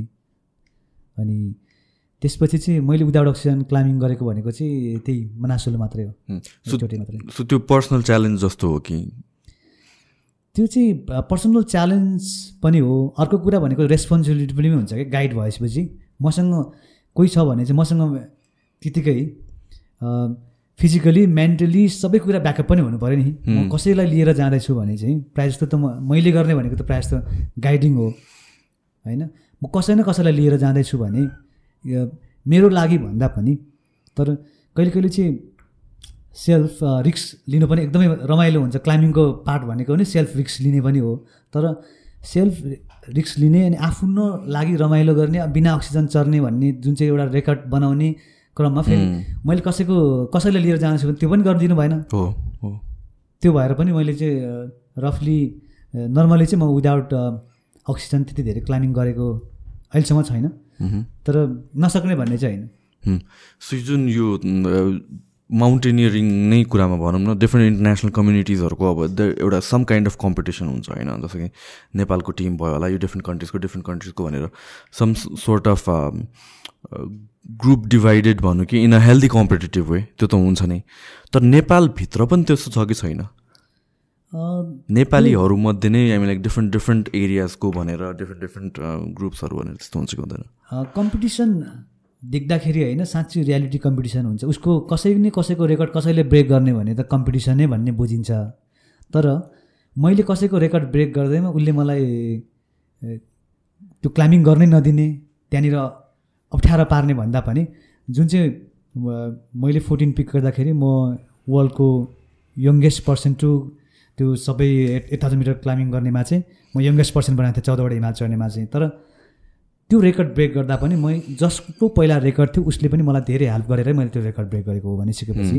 अब कसैले मेरो रेकर्ड ब्रेक गर्नु आउँदैछ भने ओ Nepal youngest person to climb all fourteen peak बन्दैछ भने त्यस्तो टिमलाई पनि हामीले हेल्प गरिरहेछौँ हाम्रो कम्पनीबाट पनि गरिरहेछौँ मैले पर्सनली पनि सजेसन गर्नुपर्ने कुरामा केही सपोर्ट गर्नुपर्ने कुरामा भनिसकेपछि त्यस्तरी कम्पिटिसन चाहिँ हुन्छ। रेकर्ड ब्रेकिङ कम्पिटिसन नै हुन्छ तर त्यसरी बाधा अवरोध पुऱ्याउने खालको कम्पिटिसन चाहिँ हुँदैन। सो यो जुन फोर्टिन पिक्स मुभी आयो त्यसपछि जुन रेकग्नेसन पायो होइन संसारभरि नै कतिको चेन्ज भएको छ? डु फिल लाइक एउटा pressure like being Nepali climber भएपछि सबै नेपाली क्लाइम्बरहरूतिर त लाइमलाइट त एउटा एकदमै ह्युज वेमा आयो। सो त्यसले चाहिँ त्यो मुभीले गरेर चाहिँ यसको इफेक्ट चाहिँ कस्तो परेको छ? यो चाहिँ मलाई पर्सनली त जुन चाहिँ मुभीले गर्दाखेरि पढ्ने भइ नै हाल्यो। होल म मैले फिल गरेको चाहिँ होल टुरिज्म कम्युनिटीमा नै एक खालको एउटा नयाँ एउटा प्रडक्टको रूपमा नयाँ उत्साहको रूपमा टुरिज्म इन्डस्ट्री नै बढेको फिल गरेको छु। किनभने पहिला पहिला मलाई पनि आफूलाई नै कस्तो लाग्थ्यो भने एभरेस्ट क्लाइम्बिङ गरेर बेस क्याम्प आइसकेपछि अब एभरेस्ट किन जाने हो? माथि यस्तो गाह्रो छ यति गाह्रो छ। अब सकिँदैन हाम्रो सक्दै सकिँदैन भन्ने ब्रेन थियो। भने चाहिँ फोर्टिन पिकमा हामीले जुन चाहिँ सर्टेन टाइमभित्र चाहिँ धेरैवटा माउन्टेन क्लाइम्बिङ गरिसकेपछि चाहिँ अहिले के फिल हुन्छ भने म मलाई जुनसुकै माउन्टेन क्लाइम्बिङ एउटा एट थाउजन्ड मिटर चढेर क्लाइम्बिङ गरेर आऊ। मलाई भोलि जाऊ भन्यो भने म सक्दिनँ भन्न सक्दिनँ। किनभने त्यो ब्रेन सेटै त्यसरी भइसक्यो। त्यो त्यो मात्रै नभएर अहिले चाहिँ त्यो कुराले गर्दाखेरि चाहिँ पहिला पहिला मान्छेले एउटा सिजनमा एभरेस्ट मात्रै प्लान गर्थ्यो। अनि एउटा सिजनमा अर्को एउटा एउटा हिमाल मात्रै गर्थ्यो। अहिले चाहिँ यो फोर्टिन पिक पछि चाहिँ यो चौधवटा हिमाल समिट गर्नको लागि त चौध पन्ध्र वर्ष लगाएर टाइम वेस्ट गर्ने त होइन रहेछ एकदम सर्टेन टाइमभित्र गर्ने रहेछ भनेर एकदमै नयाँ नयाँ बिगिनर क्लाइम्बर्सहरूले पनि एकैचोटि कस्तो भयो भने चाँडो चाँडोभन्दा चाँडो फोर्टिनवटा पिक गर्ने। अनि अहिले त नर्मली फोर्टिन पिक गर्ने क्लाइम्बर्सहरू पनि हाम्रो बोइजहरू भन्दा पनि गर्ल्स क्लाइम्बर्सहरू। एकदमै धेरै छ। के के कारणले होला? गर्ल्स क्लाइम्बर्स एकैचोटि बढ्नु कारण? रिजन? रिजन वे पहिलादेखि नै धेरैजना बोइज क्लाइम्बरहरूले पहिला नै धेरैजनाले फोर्टिन पिक गरिसकेको छ धेरैजनाले अब जुन चाहिँ पछिल्लो समयमा गर्ल्स क्लाइम्बर्सहरू चाहिँ जुन चाहिँ सकिँदैन कि भन्ने एउटा एउटा मानसिकताबाट हो। अल्झिएर रहेको थियो। त्यो सबै अहिले चाहिँ छोडेर ए सकिँदो रहेछ नि भन्ने तरिकाले चाहिँ सम्भवतः फोर्टिन पिकको गर्छु भनेर लागेको लाइनमा नै कन्टिन्यू आफ्नो दौरानमा हिँडेको नै गर्ल्सहरू हेर्ने भने पचासभन्दा बढी गर्ल्सहरू होला सायद। त्यो पनि एउटा मात्रै सिङ्गल सिजनमा सिङ्गल माउन्टेन मात्रै होइन। इन्डि मल्टिपल माउन्टेन क्लाइम्बिङ गर्ने त्यो पनि चाँडोभन्दा चाँडो मल्टिपल चाँडोभन्दा चाँडो फोर्टिन पिक सिधाउने भन्ने कन्सेप्टमा लागेको गर्ल्स क्लाइम्बर्सहरू नै प्रशस्तै पाइन्छ अहिले चाहिँ। त- तपाईँलाई पर्सनली कतिको चेन्ज फिल भएको छ? Like with this all of a sudden huge recognition internationally nationally अनि जुन एउटा हिसाबले मान्छेले चिन्छ पनि एउटा हिसाबले रेस्पेक्टको वेले पनि हेर्छ। तपाईँलाई how do you handle that फे अहिले चाहिँ झन् बढी अलिकति प्रेसर नै फिल भइरहेको छ। जुन बेला चाहिँ जुन बेला चाहिँ म म फेरि म मात्रै नभएर म्याक्सिमम् क्लाइम्बर्सहरू चाहिँ जुन चाहिँ क्लाइम्बिङ गर्ने एउटा ह्याबिट भएको हुन्छ उसलाई चाहिँ क्लाइम्बिङ गर्नै मजा आउँछ कि? मलाई पनि काठमाडौँमा जुन चाहिँ बसेर एउटा लजिस्टिकली कसैलाई कसैको प्रोजेक्टलाई हेल्प गर्ने कसैको लजिस्टिकली सपोर्ट गर्ने भन्दा पनि जुन चाहिँ फ्रन्ट लाइनमा गएर आफूलाई काम गर्दाखेरि आफूलाई कस्तो फिल हुन्छ भने त्यो चाहिँ अब एकदमै टेन्सन मुक्त जस्तै फिल हुन्छ। किनभने त्यो त एकदमै फ्रिडम नेचरसँग गएर त्यहाँ बस्ने त्यहाँ फोटो खिच्ने त्यो छुट्टै इन्भाइरोमेन्ट छुट्टै रमाइलो आफ्नै प्यासन भयो आफ्नै पेसन हुन्छ। त्यसपछि जुन चाहिँ अहिले त्यो त्यो काम गर्दै गर्दै गर्दै गर्दै आफू यो ठाउँमा पुगेको अहिले सटेनली कस्तो भएको छ भने अब त्यो कन्टिन्यू आफू हिमाल चढिरहँ। जुन चाहिँ आफूभन्दा यङ जेनेरेसनहरूलाई र जुन चाहिँ हिमाल चढ्छु भनेर आउने मान्छेहरूलाई सपोर्ट गर्नै नसकिने किनभने आफू एउटा काममा इङ्गेज भइसकेपछि मेन त एउटा एउटा गाइडलाइन्सले गरेर एउटा फ्रन्ट लाइनमा गरेर काम गर्नु एउटा आफ्नै लाइनको छ भने त फेरि ब्याकग्राउन्डबाट लजिस्टिक सपोर्ट पनि त एकदमै त्यत्तिकै महत्त्वपूर्ण हुन्छ। सबैभन्दा ठुलो कुरा त सबै उसलाई एउटा मान्छे एउटा मिसनको लागि जानलाई त उसलाई चाहिने राइट मान्छेदेखि लिएर राइट प्लानिङदेखि लिएर राइट गियरदेखि लिएर एभ्रिथिङ प्लान गरिदिनु त। त्यो त त्यो पनि आजको भोलि प्लान त हुँदैन।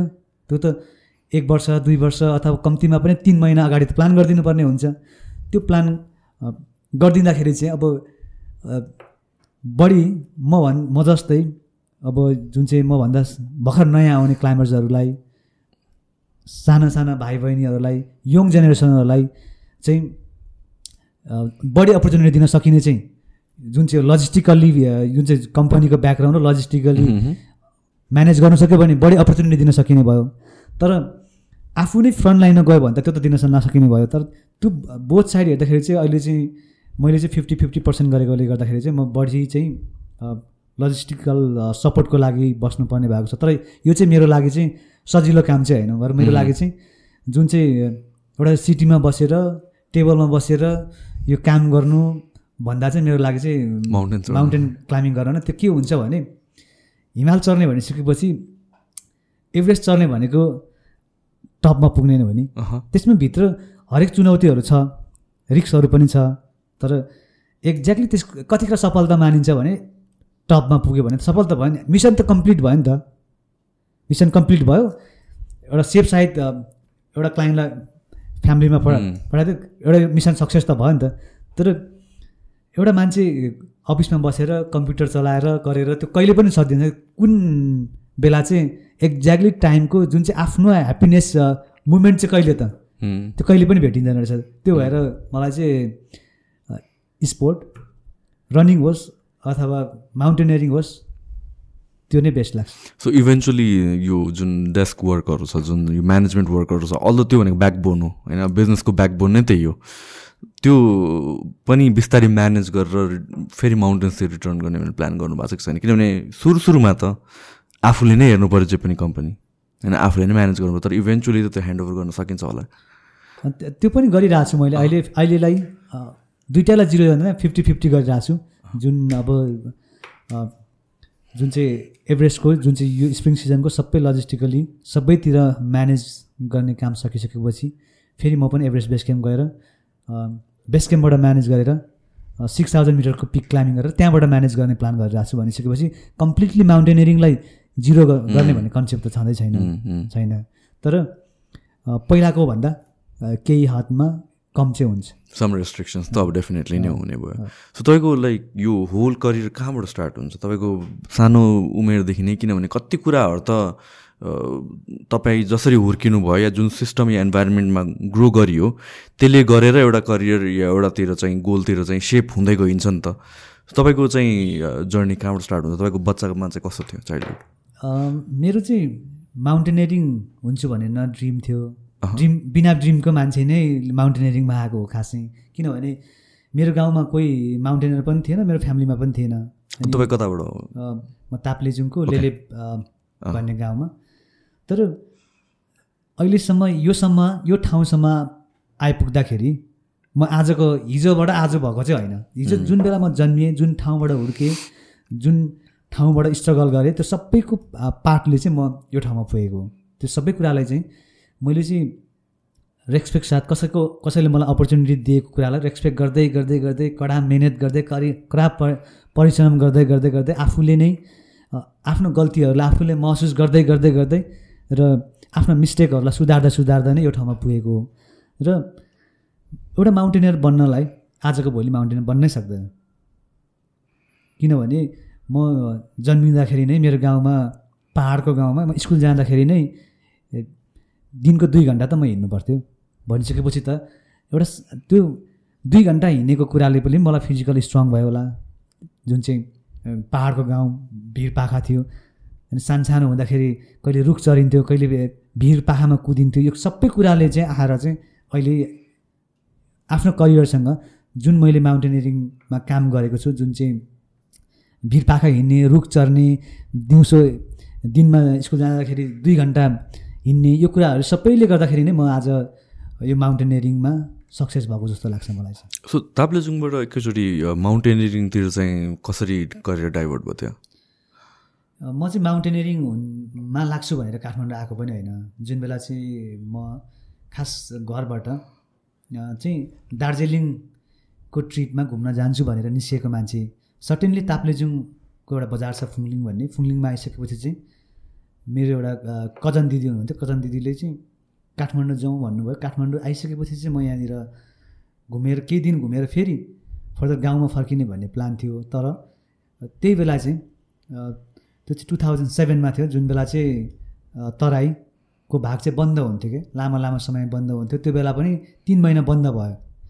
जुन बेला चाहिँ बाई रोड जानु पर्थ्यो ताप्लेजुङमा अब त्यो बेला चाहिँ फ्लाइट पनि टाइममा नहुने भइसकेपछि म यहीँ स्टक भएँ। अनि यहीँ बसिसकेपछि चाहिँ दुई महिना तिन महिना भयो। तिन महिना भइसकेपछि चाहिँ मैले के गरेँ भने एउटा दाई हुनुहुन्थ्यो एउटा मेरो दिदी कजन दिदीको सर्कलबाट एउ- एउटा ट्रेकिङ गाइड दाईसँग चाहिँ म पुनिल ट्रेक जुन चाहिँ सात दिनको ट्रेकिङ हुन्थ्यो जुन चाहिँ टी हाउसको हुन्छ दुईजना गोरा बराबर दुईवटा ब्याग हुन्छ त्यो दुईवटा ब्याग चाहिँ बोकिदिनु पर्ने हुन्छ। लगभग त्यो चाहिँ तिस केजीको ब्याग थियो। उमेर सत्र वर्षको उमेरमा म बोकेर गइदिएको थिएँ कि अनि न्याय स्टक भइसकेपछि अनि त्यो दाइसँग जुन बेला म सात दिनको ट्रेकिङमा जाने बेला चाहिँ अनि त्यहाँको इन्भाइरोमेन्ट ट्रेकिङको इन्भाइरोमेन्ट एकदमै राम्रो पनि लाग्यो। अब सत्र अठार वर्षमा तिस केजीको भारी बोक्नु भनेको त्यो चुनौती पनि थियो एकदमै दुःख पनि थियो गाह्रो पनि थियो अनि तर भारी बेलुका भारी पुऱ्याइसकिसकेपछि पनि क्याम्पमा पुगिन्थ्यो अनि क्याम्पमा पुगिसकेपछि पनि म कहिले होटलको मान्छेहरूसँग घुलमिल हुन्थेँ कहिले मेरो जुन चाहिँ मलाई लग्नेवाला मेन गाइड हुनुहुन्थ्यो उहाँसँग मैले अझै के हेल्प गर्नुपर्छ भन्ने तरिकाले कुरा गर्थेँ अनि उहाँलाई चाहिँ मेरो बेस्ट टिचर चाहिँ उहाँ हुनुहुन्थ्यो किनभने उहाँ चाहिँ एकदमै राम्रो इङ्ग्लिस पनि बोल्नुहुन्थ्यो जापानिज पनि बोल्नुहुन्थ्यो अनि धेरै लामो समयदेखि अनुभवी गाइड पनि हुनुहुन्थ्यो। तर उहाँ चाहिँ एकाडेमिकल्ली उहाँ पढ्नु भएको थिएन। अनि बेलुका होटलमा पुगिसकेपछि मेनु लिएर खाना अर्डर गर्ने काम र अफिसमा बुझाउने बिल चाहिँ मैले बनाइदिनु पर्थ्यो भनेपछि उहाँको त्यो जुन बेला सिकाएको नलेज उहाँ त पढ्नु भएन तर उहाँले दिनु त्यो जुन चाहिँ लगाउनु भएको कामले चाहिँ गर्दाखेरि गाइड कसरी गर्नुपर्छ कसरी के के गर्नुपर्छ भन्ने कुरा चाहिँ टोटल्ली उहाँको नलेज चाहिँ मलाई ट्रान्सफर भइसकेपछि चाहिँ सेकेन्ड चोटि पनि उहाँले मलाई फेरि लानुभयो। थर्ड चोटि चाहिँदेखि चाहिँ मलाई उहाँले चाहिँ एसिस्टेन्ट गाइड बनाएर कन्टिन्यू दुई तिनचोटि लानुभयो। सो पुन हिल नै कि अरू डिफ्रेन्ट ठाउँहरूमा? पुनिल नै अब पुनिल नै। तिनचोटि कन्टिन्यू अनि लगत्तै त्यसपछि टु थाउजन्ड एटमा पनि त्यही गरेँ। टु थाउजन्ड नाइनमा चाहिँ मैले फेरि एउटा ट्रेकिङ कम्पनीमा मनासुलुको बेस क्याम्पमा किचन हेल्पर गर्ने ओके रिक्वेस्ट गरेँ। त्यो नै मेरो फर्स्ट थियो अनि एउटा कम्पनीबाट किचन हेल्पर गर्न गयो अनि लगभग लगभग एक महिना बस्यो त्यहाँनिर। त्यहाँ एक महिना बस्ने पिरियडमा चाहिँ मैले चाहिँ त्यहाँ चाहिँ माउन्टेन एकदमै नजिकबाट देखेँ अनि माउन्टेनर्सहरू पनि चिनेँ। त्यसपछि चाहिँ लगत्तै म काठमाडौँ फर्केर चाहिँ एउटा मेरो कजन मामालाई चाहिँ मैले रिक्वेस्ट गरेँ कि म मनासुलुको क्याम्प बेस क्याम्पको किचन हेल्परमा गएर बसेँ। अब चाहिँ म माउन्टेनर बन्न चाहन्छु। भनिसकेपछि उहाँसँग सल्लाहहरू लिएर चाहिँ उहाँले दुईवटा ट्रेनिङ गर्नु रिकमेन्ड गर्नुभयो। जुन चाहिँ काठमाडौँमै बेसिक एकदमै बेसिक कोर्स इन्ट्रोडक्टरी कोर्स र बेसिक रेस्क्यु कोर्स। एकदमै बेसिक लेभलको सात सात दिनको कोर्स थियो काठमाडौँ। त्यो त्यो कोर्स गरिसकेपछि चाहिँ मैले टु थाउजन्ड टेनमा चाहिँ डाइरेक्टली एसिस्टेन्ट गाइड गर्ने अपर्च्युनिटी पाएँ। त्यो नि टु थाउजन्ड टेन नै मेरो फर्स्ट एट थाउजन्ड मिटर हो। त्यो त्यो पनि डाइरेक्ट एभरेस्ट गयो। त्यो नि एकदमै चुनौती थियो। त्यो बेला चाहिँ फेरि मैले आफूलाई नै सेल्फ अलिकति प्रेसर गरिरहेको थिएँ। किनभने म स्टक भइरहेको थिएँ। मैले पढ्दा पढ्दै छोडेर यहाँ आइरहेको मैले प्राइभेट एसएलसी दिन ट्राई गरिरहेको थिएँ। जुन बेला म एभरेस्ट जाने बेला चाहिँ अपर्च्युनिटी दुइटै आयो। एभरेस्ट जाने पनि आयो एसएलसी दिने पनि आयो। मैले एसएलसीलाई चारवटा सब्जेक्ट दिएर छोडेर एभरेस्ट चढ्नु गएँ। त्यसपछि चाहिँ अब एसएलसी दिएको भए पनि नि एसएलसी त पास हुन्थेँ। अब माउन्टेनमा आएँ। भन्ने कुराले जुन चाहिँ एसएलसीको त्यो छोडेको प्रेसरले चाहिँ मैले माउन्टेन त एनी हाउ सक्सेस गर्नुपर्छ. भन्ने प्रेसर प्रत्येक दिन थियो। अनि लकिली फर्स्ट एट थाउजन्ड मिटरको पिक एभरेस्ट त्यो चाहिँ अनि जस राम्रैसँग सब्मिट गरेर त्यो अपर्च्युनिटीलाई चाहिँ मैले मिस गर्नु परेन। सो फर्स्ट तपाईँले चढ चढ्नुभएको माउन्टेन नै एभरेस्ट थियो? फर्स्ट नै एभरेस्ट त्यो पनि बेसिक दुइटा ट्रेनिङबाट हजुर। सो अहिले पनि अब जुन मान्छेहरू चाहिँ अब तपाईँको एक्सपेक्टेसन कम्पनीमा इन जेनरल अब मान्छेहरू जो चाहिँ माउन्टेनियरिङतिर चाहिँ इन्भल्भ हुन चाहनुहुन्छ बिगिनर लेभलमा भनौँ न अब physical fitness in daily life त छँदैछ। तर डिरेक्टली बिगर समिट्समा जान सकिन्छ र कि लाइक त्यो बिस्तारै एउटा कमबाट कमबाट गर्दै गर्दै जाने हो कि कसरी काम गरिन्छ? नर्मली मैले रिकमेन्ड गर्ने मेरो अनुभवले त्यो जुन बेलाको सुरुमा जुन चाहिँ मैले जुन म कस्तो फेजमा थिएँ अनि मैले किन त्यति धेरै रिस्क लिनु पऱ्यो किन मैले त्यस आफूले आफूलाई प्रेसर गर्नु पऱ्यो भन्ने कुरा त त्यो त्यो त मेरो मेरो लाइफको स्ट्रगलसँग जोडिएर आएको कुरा भयो। तर मैले कसैलाई इन जेनरलमा कसैलाई माउन्टेनर बन्नु छ भने डाइरेक्ट एभरेस्ट जाऊ डाइरेक्ट एट थाउजन्ड जाऊ भन्न चाहिँ सक्दिनँ मैले। किनभने त्यो बेला मेरो आफ्नो त्यस्तै खालको सिचुएसन थियो। मैले आफ्नो सिचुएसनलाई आफूले टेकल गर्दै गएँ तर तिमीले पनि यही गर्नुपर्छ भनेर सजेसन चाहिँ गर्दिनँ मैले. किनभने अघि सुरुमै हाम्रो एकदमै एभरेस्ट बेस क्याम्प जाँदा जाँदा त्यो बेला मैले लक्कीले पो म अहिलेसम्म बाँचेँ। हरेक लकले साथ दियो होला मैले एउटा नेचरल रेस्पेक्ट गरेँ होला तर सबैलाई यो कुरा हुन्छ भन्ने होइन नि।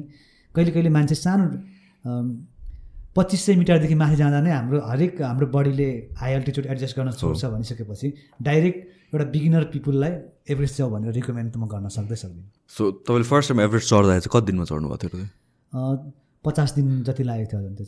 ए पचास दिन लाग्छ है चढ्दै जान। ल एउटा अघि हामी ठ्याक्क डिस्कस गरेर आएको थियो एउटा दिस सेङ के छ भनेपछि माउन्टेनियरिङ भनेको काइन्ड अफ लाइक शेर्पा शेर्पाहरू नै हुनुहुन्छ। अनि त्यसपछि आउटसाइडरलाई यो एज अ प्रोफेसन भनौँ कि अब एज अ यो कम्युनिटीभित्र छिर्न यो काममा छिर्न चाहिँ अलिक गाह्रो छ भनेर भन् भनिन्छ। सो कतिको साँचो कतिको झुट त्यो कुरा?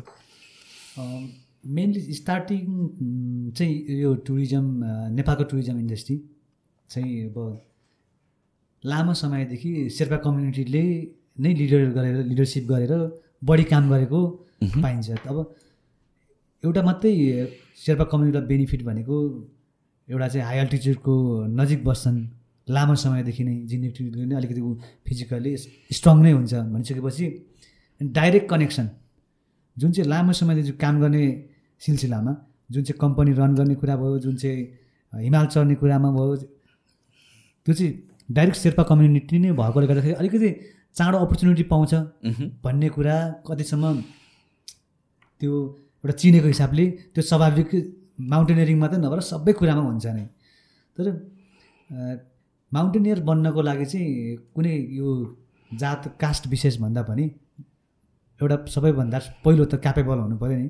जुन चाहिँ यो चाहिँ यो चाहिँ अरू स्पोर्टभन्दा फरक। लाइफ र डेथको कि लाइफ हुन्छ कि डेथ हुन्छ। मिस्टेक गऱ्यो भने डेथ हुन्छ यो स्पोर्टबाट भनिसकेपछि सबैभन्दा बढी कसलाई विश्वास गरिन्छ?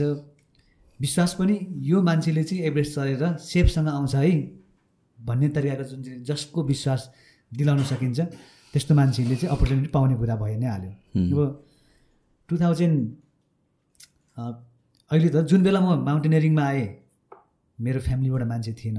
मैले त अपर्च्युनिटी एकदमै ढिलो पाउनु पर्ने थियो तर मैले लक्किली एकदमै चाँडो उन्नाइस वर्षमै क्लाइम्बिङ गर्ने चान्स पाइहालेँ। तर त्यसपछि पछाडि मैले मेरो आफ्नो फ्यामिलीबाट पनि मेरो भाइले पनि क्लाइम्बिङ गर्यो। त्यसपछि मेरो कजन दाईहरूले पनि क्लाइम्बिङ गर्यो। मेरो आफ्नो दाईलाई पनि ल्याउनु खोजेँ। टु थाउजन्ड फिफ्टिनमा मैले चाहिँ अ, दाईलाई चाहिँ एभरेस्ट बेस क्याम्पमा किचन हेल्परको लागि लगेको थिएँ। Two thousand सिक्सटिनमा।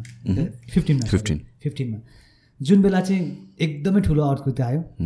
भोलिपल्ट नै मेरो दाइ भागेर गइसकेपछि त गाउँमा गएर आजसम्म पनि माउन्टेनियरिङमा आउँछु भने आउनै खोज्दैन। भनिसकेपछि एउटा कुरा चाहिँ माउन्टेनियरिङमा आउनको लागि चाहिँ सबैभन्दा नम्बर वान चाहिँ आफूलाई नै सेल्फ कन्फिडेन्ट त हुनु पऱ्यो. अर्को कुरा फिजिकली स्ट्रङ हुनु पऱ्यो फिजिकली स्ट्रङ पनि फेरि माउन्टेनियरिङको फिजिकली स्ट्रङ र अरू स्पोर्टको फिजिकली डिफ्रेन्ट कुरा हो कुनै। मान्छे हन्ड्रेड किलोमिटर सजिलोसँग दौडिन सक्छ भने फिट भनिन्छ कुनै मान्छे दुई तिन घन्टा स्विमिङ खेल्न सक्छ भने फिट भनिन्छ होला। कुनै मान्छे दुई सय केजीको मजाले जिम गर्न सक्छ भने फिट भनिन्छ होला। कसैले चाहिँ त्यो डिफ्रेन्ट सेक्टरको कुरा हो। तर माउन्टेनियरिङको फिटनेस त फेरि अलिकति अलग छ। जतिसुकै अरू स्पोर्टमा बलियो फिट भयो भने त्यो मान्छे फेरि एभरेजमा फिट हुन्छ भन्ने ग्यारेन्टी छैन। आल्टिच्युड त डिफ्रेन्ट फिट कहाँ? किनभने उसको कोही मान्छे एकदमै दुई सय केजी नै बोकेर हिँड्न सक्ने मान्छे पनि एभरेस्टमा गएर फेरि ऊ चाहिँ एकदमै बलियो ऊ चाहिँ एकदमै खतरा भन्ने चाहिँ हुँदैन। एभरेस्टको आल्ट हाई अल्टिट्युडको फिटनेस चाहिँ अलिकति डिफ्रेन्ट हुन्छ। त्यो चाहिँ त्यो चाहिँ कसैले जजमेन्ट गर्नुभन्दा पनि आफै सेल्फ आफू नै गएर six thousand metre seven thousand metre eight thousand metre गएर आफैले नै एकचोटि चाहिँ प्रोसेसबाट आफैले नै अनुभव गरेपछि थाहा हुने कुरा हो। कसैले देख्दैमा तिमी चाहिँ बलियो छौ एभरेस्ट चढ्न सकिहाल्छ माउन्टेनियर बन्न सक्छ भनेर त्यसरी जज गर्ने विषय पनि होइन। अब यदि त्यस्तो खालको कोही मान्छे एकदमै एभरेस्टमा एट थाउजन्ड मिटरमा फिट छ अनि एट थाउजन्ड मिटरमा इभन अहिले चाहिँ एट थाउजन्ड मिटरमा फिट छ एट थाउजन्ड मिटरमा चाहिँ अझै उसले चाहिँ फोटोग्राफी गर्न सक्छ एट थाउजन्ड मिटरमा भिडियोग्राफी गर्न सक्छ भन्ने मान्छे त नेपालमा अहिले नै अभाव छ नि। ओके। काम नपाउने भन्ने त यसमा हुनै सक्दैन। यदि नेपालमा नेपालमै काम गर्ने गाइडहरूले जुन चाहिँ कसै दुई हजार पच्चिस सय डलरदेखि लिएर पैँतिस पैँतिस हजार डलरसम्म त दुई महिनामा कमाउने गाइडहरू पनि छ नि। त्यो चाहिँ कस्तो भने नितान्त यो यो व्यवसाय चाहिँ प्राइभेट सेक्टरको भयो। प्राइभेट सेक्टरले कसलाई चाहिँ विश्वास लाग्छ? को चाहिँ उसको लिडरसिप छ कसैलाई लिडरसिप गर्न सक्ला कोही चाहिँ राम्रो फोटोग्राफी गर्ला कोही चाहिँ राम्रो भिडियोग्राफी गर्ला कोही चाहिँ एकदमै स्ट्रङ गाइड होला। त्यो मात्रै नभएर अहिले त पछिल्लो समयमा त झन् सोसियल मिडिया पपुलर भइदेखि चाहिँ डाइरेक्ट नै कोही व्यक्तिलाई एउटा एउटा मान्छेलाई एभरेस्ट चढ्नु मन लाग्दाखेरि त आफ्नो लाइफ नै अरूलाई सुम्पिएर अरूको विश्वासमा जाँदैछ भने त उसले पनि स्वाभाविकले यो गाइड चाहियो मलाई। बरु उसको लागि जति पैसा दिनु पनि रेडी छु भनेर त भन्ने खालको मार्केट सिचुएसन आइसकेको बेलामा यहाँ चाहिँ अहिले एकदमै नेपालमा नेपालमा चाहिँ हिमाल चढ्न सक्नेलाई एकदमै क्यापेबल गाइडहरू चाहिँ अलरेडी नै सर्टेज छ र राम्रो गाइड काम गर्न सक्ने एउटा दक्षता मेन पावरको लागि चाहिँ काम पाउँदैन। यो सेक्टरमा आउनलाई गाह्रो छ भनेर ट्रेनिङ नगर्ने आफूलाई चाहिँ प्र्याक्टिस नगर्ने आफूलाई चाहिँ अनुभवी नबनाउने भन्नुभन्दा पनि नेपालको सबैभन्दा सबैभन्दा नेपालको लागि चाहिँ अपर्च्युनिटीको विषय चाहिँ माउन्टेनियरिङ गाइड बन्नु पनि हो एउटा। किनभने यति मात्रै सोचे हुन्छ कि संसारमा महँगो दुईवटा कुरा छ भने चाहिँ चन्द्रमामा जानु सबभन्दा महँगो छ भने सेकेन्ड महँगो चाहिँ एभरेस्ट चढ्नु छ भनेर पनि सोचे हुन्छ। भनेपछि अब त्यो हिमाल हाम्रो कन्ट्रीमा छ मेन पावर हाम्रो छ अब सिक्ने नसिक्ने माउन्टेनियरिङ गाइड बन्ने नबन्ने भन्ने त कतिलाई रहरको विषय होला कतिलाई चाहेर मात्रै पनि हुँदैन। फिजिकल्ली मेन्टली सबै कुराहरूले साथ दियो भने माउन्टेन गाइड बन्दाखेरि। नेपालको लागि अनि आफ्नो लागि बेस्ट नै हुन्छ जस्तो लाग्छ। नो नेचुरली पनि इट मेक सेन्स किनभने अब केही कुरामा चाहिँ अब मैले कसैलाई अपर्च्युनिटी दिने र अपर्च्युनिटी भन्दा पनि कसैलाई मैले ट्रस्ट गर्ने हो मेरो लाइफसँग भनेपछि नेचुरली मैले चिनेको साथीहरू सर्कल हुन्छ होला या रिलेटिभको सर्कलहरू हुन्छ होला।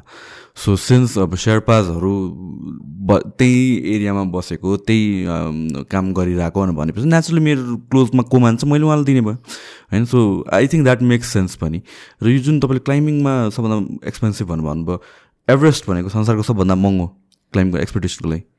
अब कि त महँगो नै एकदमै खर्चिलो गर्ने कुरामा कि चन्द्रमामा जानु पऱ्यो अनि सेकेन्ड खर्च गर्ने भने एभरेज चढ्न आयो भने हुन्छ। एभरेजमा। एभरेजमा कति पर्छ होला? अब यो चाहिँ कस्तो भने एभरेजको चाहिँ प्राइसलेसै भन्ने हुन्छ। तिस हजार डलरदेखि हाफ मिलियन डलरसम्म खर्च गरेर आउँछ एकजना व्यक्तिले।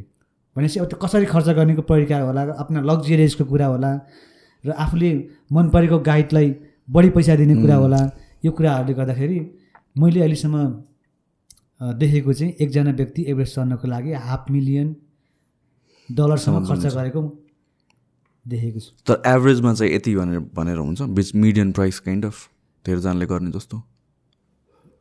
मिडियन चाहिँ साठी सत्तरी हजार डलर र अब तिस हजार डलरदेखि पनि खर्च गरेर हुन्छ। र अब त्यसमा चाहिँ कस्तो खालको लग्जरियसमा जाने कस्तो खालको गाइड लिने भन्ने तरिकाले पनि त्यसको प्राइसको डिफाइन गर्छ। लग्जरी भनेको के हो त एभरेज चढ्ने चढ्ने केसमा चाहिँ? अब जुन बेला चाहिँ लग्जरी भन्न साथै काठमाडौँदेखि नै फाइभ स्टार होटलदेखि लेभल सुरु हेलिकप्टरदेखि लिएर बेस क्याम्पमा पनि बेस क्याम्पमा पनि आफ्नो एउटा ओन टेनदेखि लिएर एभ्रिथिङ जुन चाहिँ एक्लामेटाइज गरिसके पनि त्यो जुन चाहिँ बिचको पिरियड हुन्छ जुन चाहिँ। एभरेस्ट चढ्ने भन्न बित्तिकै जुन चाहिँ एभरेस्ट चढ्ने पर्मिटको पिरियड चाहिँ सत्तरी दिन हुन्छ तर लाग्ने भनेको चाहिँ पैँतालिस दिनदेखि पचपन्न दिनसम्म लागिरहेको हुन्छ तर पैँतालिस पचास दिन पनि एउटा पैँतालिस पचासको दिन दिनको टाइममा पनि एउटा व्यक्ति एभरेस्ट चढ्नको लागि रफली कस्तो हुन्छ भने काठमाडौँ आउने दुई दिन बस्ने उसको गियर प्रिपेरेसन गर्ने ग्रुपसँग भेट गर्ने त्यसपछि लुग्ला जाँदै जाँदै गइसकेपछि एभरेस्ट बेस क्याम्प पुग्नलाई लगभग दस दिनको टाइम खर्चिनुपर्छ। दस दिन खर्च गरिसकेपछि बेस क्याम्पमा गएर केही दिन ट्रेनिङ गरिसकेपछि ऊ चाहिँ क्याम्प वान क्याम्प टू जाने ऊ चाहिँ योग्य हुन्छ। त्यसपछि चाहिँ क्याम्प वान क्याम्प टू गएर सेभेन थाउजन्ड मिटर क्याम्प थ्रीसम्म टच गरेर आइसकेपछि चाहिँ बेस क्याम्प आइसकेपछि उसको एउटा जुन चाहिँ एक्लामेटाइज पिरियड हुन्छ ऊ सिधिन्छ उसको बिचमा टाइम जुन चाहिँ बा- समिटको बाटो नखुलेसम्म उसको बिचको टाइम निस्किन्छ। जुन बेला चाहिँ एउटा लग्जरियस गर्ने मान्छेहरू चाहिँ आफ्नो कन्ट्री फर्किन सक्छ कति मान्छेहरू बिजनेस गर्ने मान्छेहरू कति मान्छे हेलिकप्टर लिएर काठमाडौँ आउन सक्छ कति मान्छे डिफ्रेन्ट त्यसरी गरेर त्यो त्यो सबै कुराले चाहिँ खर्चको डिफाइन गर्छ क्या। अनि अब एकजना मान्छेले लग्जरियस तरिकाले सबै जाने भने वान टु वान गाइड भनेको चाहिँ एभरेजको लागि चाहिँ एकदमै नर्मल हो। एउटा. एउटा मान्छेले एउटा मान्छेलाई एट थाउजन्ड मिटरबाट उसलाई सेभ गर्न सक्छ सक्दैन भन्ने कुरा। एउटा मान्छेले एउटा मान्छेलाई डेड जोनमा गएर सेभ गर्नै सक्दैन। भनिसकेपछि एउटा लाइफमा अलिकति डर मान्ने मान्छे उसलाई सबै कुरा छ। म चाहिँ अलिकति सेफ्टीलाई ध्यानमा दिन्छु। मलाई चाहिँ तिनजना गाइड चाहिन्छ भने तिनजना मान्छेले एउटा मान्छेलाई. हेल्प गर्न सक्छ नि त्यो कुराहरूले चाहिँ खर्चको निर्धारण गर्छ। कोही मान्छेले उसलाई अझै बढी डर छ भने उसलाई अलिकति फिजिकली उसले कुनै खुट्टाको प्रब्लम होला कुनै कुनै कसैको हातको प्रब्लम होला कुनैलाई कुनै न कुनैमा कन्फ्युजन छ कुनैमा कुनैमा नसक्ने खालको फिल छ भने एउटा व्यक्तिले तिन चारजना गाइड लिएर गयो भने त्यसले पनि खर्चको डिफाइन गर्ने भयो। खर्च चाहिँ यसरी हुन्छ। र एउटा एउटा गाइडले म आफै सक्छु भनेर उसले कोही पनि लिँदैन। आफै गर्छु भनेर गयो भने त्यहाँ पनि खर्च कम भयो। यसरी यसले चाहिँ खर्चको निर्धारण गर्छ। सो वान एन्ड वान भने चाहिँ नर्मल हो। किनभने युजली मलाई के लाग्थ्यो भनेपछि पाँच सात पाँच सातजना मान्छेहरूलाई एउटा गाइडले लग्छ होला एउटा या दुइटा गाइडले लग्छ भनेर जस्तो लाग्छ त्यस्तो हुँदैन एक्सपेक्टेसन एभरेस्टको अब एट एट थाउजन्ड मिटरमा चाहिँ एकजना मान्छेले एकजना लानु नै गाह्रो हो। ए? किनभने गाइड भनेको एउटा व्यक्ति हो। होइन? म जति अनुभवी भए पनि आजसम्म म जतिखेरमा पनि बिरामी हुन सक्छु मेरो त्यो एट थाउजन्ड मिटरको समिट गएको दिनको मेरो फिजिकल कन्डिसन कस्तो हुने? कहिले कहिले म पनि बिरामी हुन सक्छु भनिसकेपछि अब यदि कहिले मेरो क्लाइन्ट बिरामी हुनसक्छ भनिसकेपछि मैले म एकजना मान्छेले त्यो क्लाइन्टलाई ल्याउन सक्ने कि नसक्ने? तर यदि दुई तिनजना गाइड छ भने त उसलाई त तानेर घिसाएर एकजनाले भन्दा त बढी मल्टी मल्टिपल उसलाई बढी हेल्प पाउने भयो नि त। यो कुराले सेफ्टीको पर्सपेक्टिभबाट हजुर। हेर्छ यो कुराले गर्दाखेरि जुन चाहिँ जुन बेला चाहिँ त्यहाँ त एट थाउजन्ड मिटरभन्दा माथि गइसकेपछि त भनेको बित्तिकै एक्स्ट्रा म्यान पावर हायर गर्नु पाउने भनेको बित्तिकै हेलिकप्टर आयो भने भनेको बित्तिकै पैसा खर्च गर्नु मिल्ने त हुँदैन। त्यो चाहिँ अगाडि प्रि प्लानमा हुनु पऱ्यो त्यो तरिकाले चाहिँ वान टु वान गाइड पनि नट ब्याड किनभने एउटा अनुभवी गाइडले जहिले पनि प्रब्लम पढिसकेर भन्दा प्रब्लम हुनुभन्दा अगाडि उसलाई उसको सिचुएसन के छ मेरो आफ्नो सिचुएसन के छ वेदर कन्डिसन कस्तो छ अब कस्तो के हुनसक्छ भनेर पिडी गरेर एउटा अनुभवी गाइडले जुन चाहिँ त्यो होल एक्सपिडिसनको प्लानिङ मेरो क्लाइन्टको रेगुलर कहिले कहिले चाहिँ कस्तो हुन्छ भने एउटा नर्मल गाइड र अनुभवी गाइडको कुरा गर्दाखेरि जहिले नर्मली क्लाइन्टहरू चाहिँ ले चाहिँ आफ्नो वास्तविकता कुरालाई लुकाइरहेको हुन्छ कि? जस्तो कि? जस्तो कि कुनै पनि मान्छेले उसले वर्षौँदेखिको एउटा ड्रिम हुन्छ। एकदमै ठुलो ड्रिम। एकदमै धेरै ठुलो ड्रिम हुन्छ एभरेस्ट जाने। उसले वर्षौँदेखि पैसा साँचेको छ कता कताबाट जम्मा गरेर पैसा ल्यायो। ल पचास साठी हजार डलर भेला पाएर एभरेस्ट क्लाइम्बिङ गर्न आयो। अब उसले यो वर्ष सब्मिट गरेन भने के हुन्छ त भने उसको भित्र धेरै डरहरू हुन्छ अब फेरि अर्को पचास हजार डलर जम्मा गर्ने त सक्ने कि नसक्ने? भनिसकेपछि उसले आफ्ना प्रब्लमभित्रहरूलाई लुकाएर पनि सब्मिट गर्न खोज्छ। भनिसकेपछि कहिले कहिले चाहिँ आफ्नो स्वास्थ्य स्थिति ठिक नहुँदा पनि म ठिक छु भन्ने तरिकाले अलिकति प्रेस गरेर हुन्छ भनिसकेपछि त त्यस्तो स्थितिमा त एउटा राम्रो गाइडले त उसको एउटा सँगै ग्रो गर्दै लाँदाखेरि बेस क्याम्पमा जुन चाहिँ पचास दिनको पिरियडमा हिजो नर्मल एउटा मान्छेको जनरल बानी बेहोरा कस्तो छ भन्ने तरिकाले पनि एउटा गाइडले चाहिँ हेरिराख्नुपर्ने हुन्छ जस्तै रेगुलर मान्छे कस्तो थियो तर आज उसले के बोल्दैछ आज के हुँदैछ कस्तो हिँड्छ कस्तो खान्छ उसको नर्मल बानी कस्तो हो भन्ने तरिकाले पनि कहिले कहिले हामीले चाहिँ एज अ गाइड चाहिँ उसलाई कन्टिन्यू क्लाइम्बिङ गराउने अथवा त्यहाँनिर स्टप गरेर भोलि जाने अथवा तल फर्किने यो सबै कुराको प्लानिङ चाहिँ एउटा एउटा राम्रो गाइडको लिडरसिपमा हुनुपर्ने। त्यो चाहिँ एकदमै महत्त्वपूर्ण कुरा हो। कहिले कहिले चाहिँ एकदमै त्यो चाहिँ लुकाउने नै हुन्छ कि किनभने समिटको छेउमा पुगेर पनि अब एकदमै गाह्रो भए पनि मलाई त ठिक छ भने जस्तो अनि एक्कासी जुन चाहिँ प्रब्लममा आयो भने त वान टू वान त त्यो सेभ गर्न सक्ने कुरै आउँदैन। त्यो कुराहरू बुझ्नुपर्ने। एकदमै चुनौतीको विषयहरू। कहिले कहिले चाहिँ अब फेरि एउटा क्लाइन्टले एउटा गाइडलाई पैसा पे गरेर ल्याएको हुन्छ। अब गाइडलाई पनि तर एज अ गाइड चाहिँ त्यो उसले कति पैसा पे गर्यो अनि त्योभन्दा पनि महत्त्वपूर्ण विषय भनेको चाहिँ उसको लाइफ सेभ गर्नुपर्ने हुन्छ। र त्यस्तो स्थितिमा चाहिँ कहिले कहिले चाहिँ गाइडले चाहिँ डिसिजन गर्नुपर्ने हुन्छ। हामी जान सक्दैनौँ हामी फर्किनुपर्छ भन्ने त्यस्तो स्थितिमा फेरि तिमीलाई त मैले पैसा दिएर लिएको मैले तिमीले भनेको मान्नुपर्छ भन्ने खालको पनि कहिले कहिले हुन्छ। त्यस्तो स्थितिमा एउटा एउटा मान्छेले एउटा मान्छेलाई जसले पैसा दिएको छ उसलाई समिट जानुको लागि दिएको तर एउटा गाइडले भन्छ फर्किरहनुपर्छ त्यो दुइटाको ब्यालेन्स गर्नुलाई पनि गाइडलाई पनि उत्तिकै धेरै चुनौतीको विषयहरू त हुन्छ तर एज अ गाइड चाहिँ फर्काउनै पर्ने हुन्छ। नम्बर वान चाहिँ सक्सेसभन्दा पनि बढी चाहिँ लाइफलाई सेभ गर्नुपर्ने हुन्छ। सो यो जुन हेलिकप्टरले रेस्क्यु गर्ने भन्नुभयो त्यो like throughout the Everest नै गर्न सकिन्छ कि सर्टन पार्ट्समा रिच गर्ने सर्टन पार्टमा रिच नहुने काइन्ड अफ पनि छ त्यस्तो। अब हेलिकप्टर रेस्क्यु भनेको पनि एकदमै सेकेन्डरी कुरा मात्रै हो होइन? आल्टिच्युडमा हेलिकप्टरलाई नै हन्ड्रेड पर्सेन्ट भन्ने त हुँदैन। Helicopter rescue seven thousand metre seven thousand five hundred मिटरसम्म गरेको मैले देखेको छु। तर सधैँ त्यो आल्टिच्युडमा जान सक्ने खालको कहिले विन्ड कन्डिसन नमिल्ला कहिले वेदरले पनि दिँदैन। प्रायः जस्तो त विन्ड कन्डिसन जुन चाहिँ वेदरको कन्डिसनले गर्दाखेरि जानु सक्ने स्थिति नै हुँदैन। कहिले कहिले रातिको टाइममा पर्छ। त्यो चाहिँ हेलिकप्टर रेस्क्यु भन्दा पनि सबैभन्दा पहिला चाहिँ हाम्रो प्रि प्लान नै एकुरेट हुनु पऱ्यो। रेस्क्यु भन्ने कुरा नै हुनै भएन सकेसम्म चाहिँ। यदि त्यो भइपरिआएको खण्डमा पनि कसरी सेभ गर्ने भन्ने प्लान त त्यो गाइडको जिम्मेवारी त हो तर त्यो हुनै नदिनु चाहिँ एकदमै महत्त्वपूर्ण कुरा हो। सो तपाईँले टु थाउजन्ड फिफ्टिनमा अर्थको आएको बेलामा तपाईँ एभरेस्ट बेस क्याम्पमा हुनुहुन्थ्यो भन्नुभएको। हजुर। कस्तो थियो एक्सपिरियन्स? किनभने मैले त्यो एउटा मुभी हेरेको थिएँ। अर्थकेक होला अनि त्यहाँ यो माउन्टेनियर माउन्टेन क्लाइम्ब गरेर मान्छेहरू पनि कतिजना त्यसमा फसेको काइन्ड अफ देखाएको थियो सिचुएसनमा। तपाईँको एक्सपिरियन्स कस्तो थियो? म भूकम्प जानुभन्दा दुई दिन अगाडि बेस क्याम्प पुगेको थिएँ। जुन बेला चाहिँ म मैले एउटा चाइनिज सिसिटिभीको सुटिङ टिमको लिड गरेर गएको थिएँ अनि बेस क्याम्प पुगिरहेको थिएँ। सर्टेन्ली भूकम्प आयो वेदर बिहानदेखि नै एकदमै ढुम्म परेको बादलै बादल भएको कतै नदेखिने खालको वेदर थियो। अनि जुन दिन चाहिँ मेरो टिमभित्रको अरू गाइडहरू पनि बेस क्याम्पदेखि अक्सिजन सामान ड्रप गर्नलाई क्याम्प टु गएको थियो अनि सर्टेन्ली बिहान भूकम्प आयो। भूकम्प आइसकेपछि चाहिँ हामीले फिल गऱ्यौँ जुन चाहिँ हाम्रो ट्याक्कै खुम्बु आइसफल भन्छ खुम्बु आइसफलको अगाडि भागमा हाम्रो क्याम्प थियो अनि अगाडि भागमा जुन चाहिँ मेरो क्लाइन्ट अनि हामीले चाहिँ खुम्बु आइसफलतिर क्यामेरा फर्काएर खिच्दै बस्यौँ अब भूकम्प गयो। अनि जुन चाहिँ खुम्बु आइसफल भन्नु साथै एकदमै आइसको पार्ट क्रस गर्नुपर्ने हुन्छ। त्यहाँ चाहिँ एकदमै रिक्स भत्किरहने हुन्छ। अब त्यहाँ चाहिँ ठुलो एक्सिडेन्ट भयो होला भन्ने तरिकाले भिडियो खिच्दै कोर्डिनेसन गर्दै बसिरहेको थियौँ।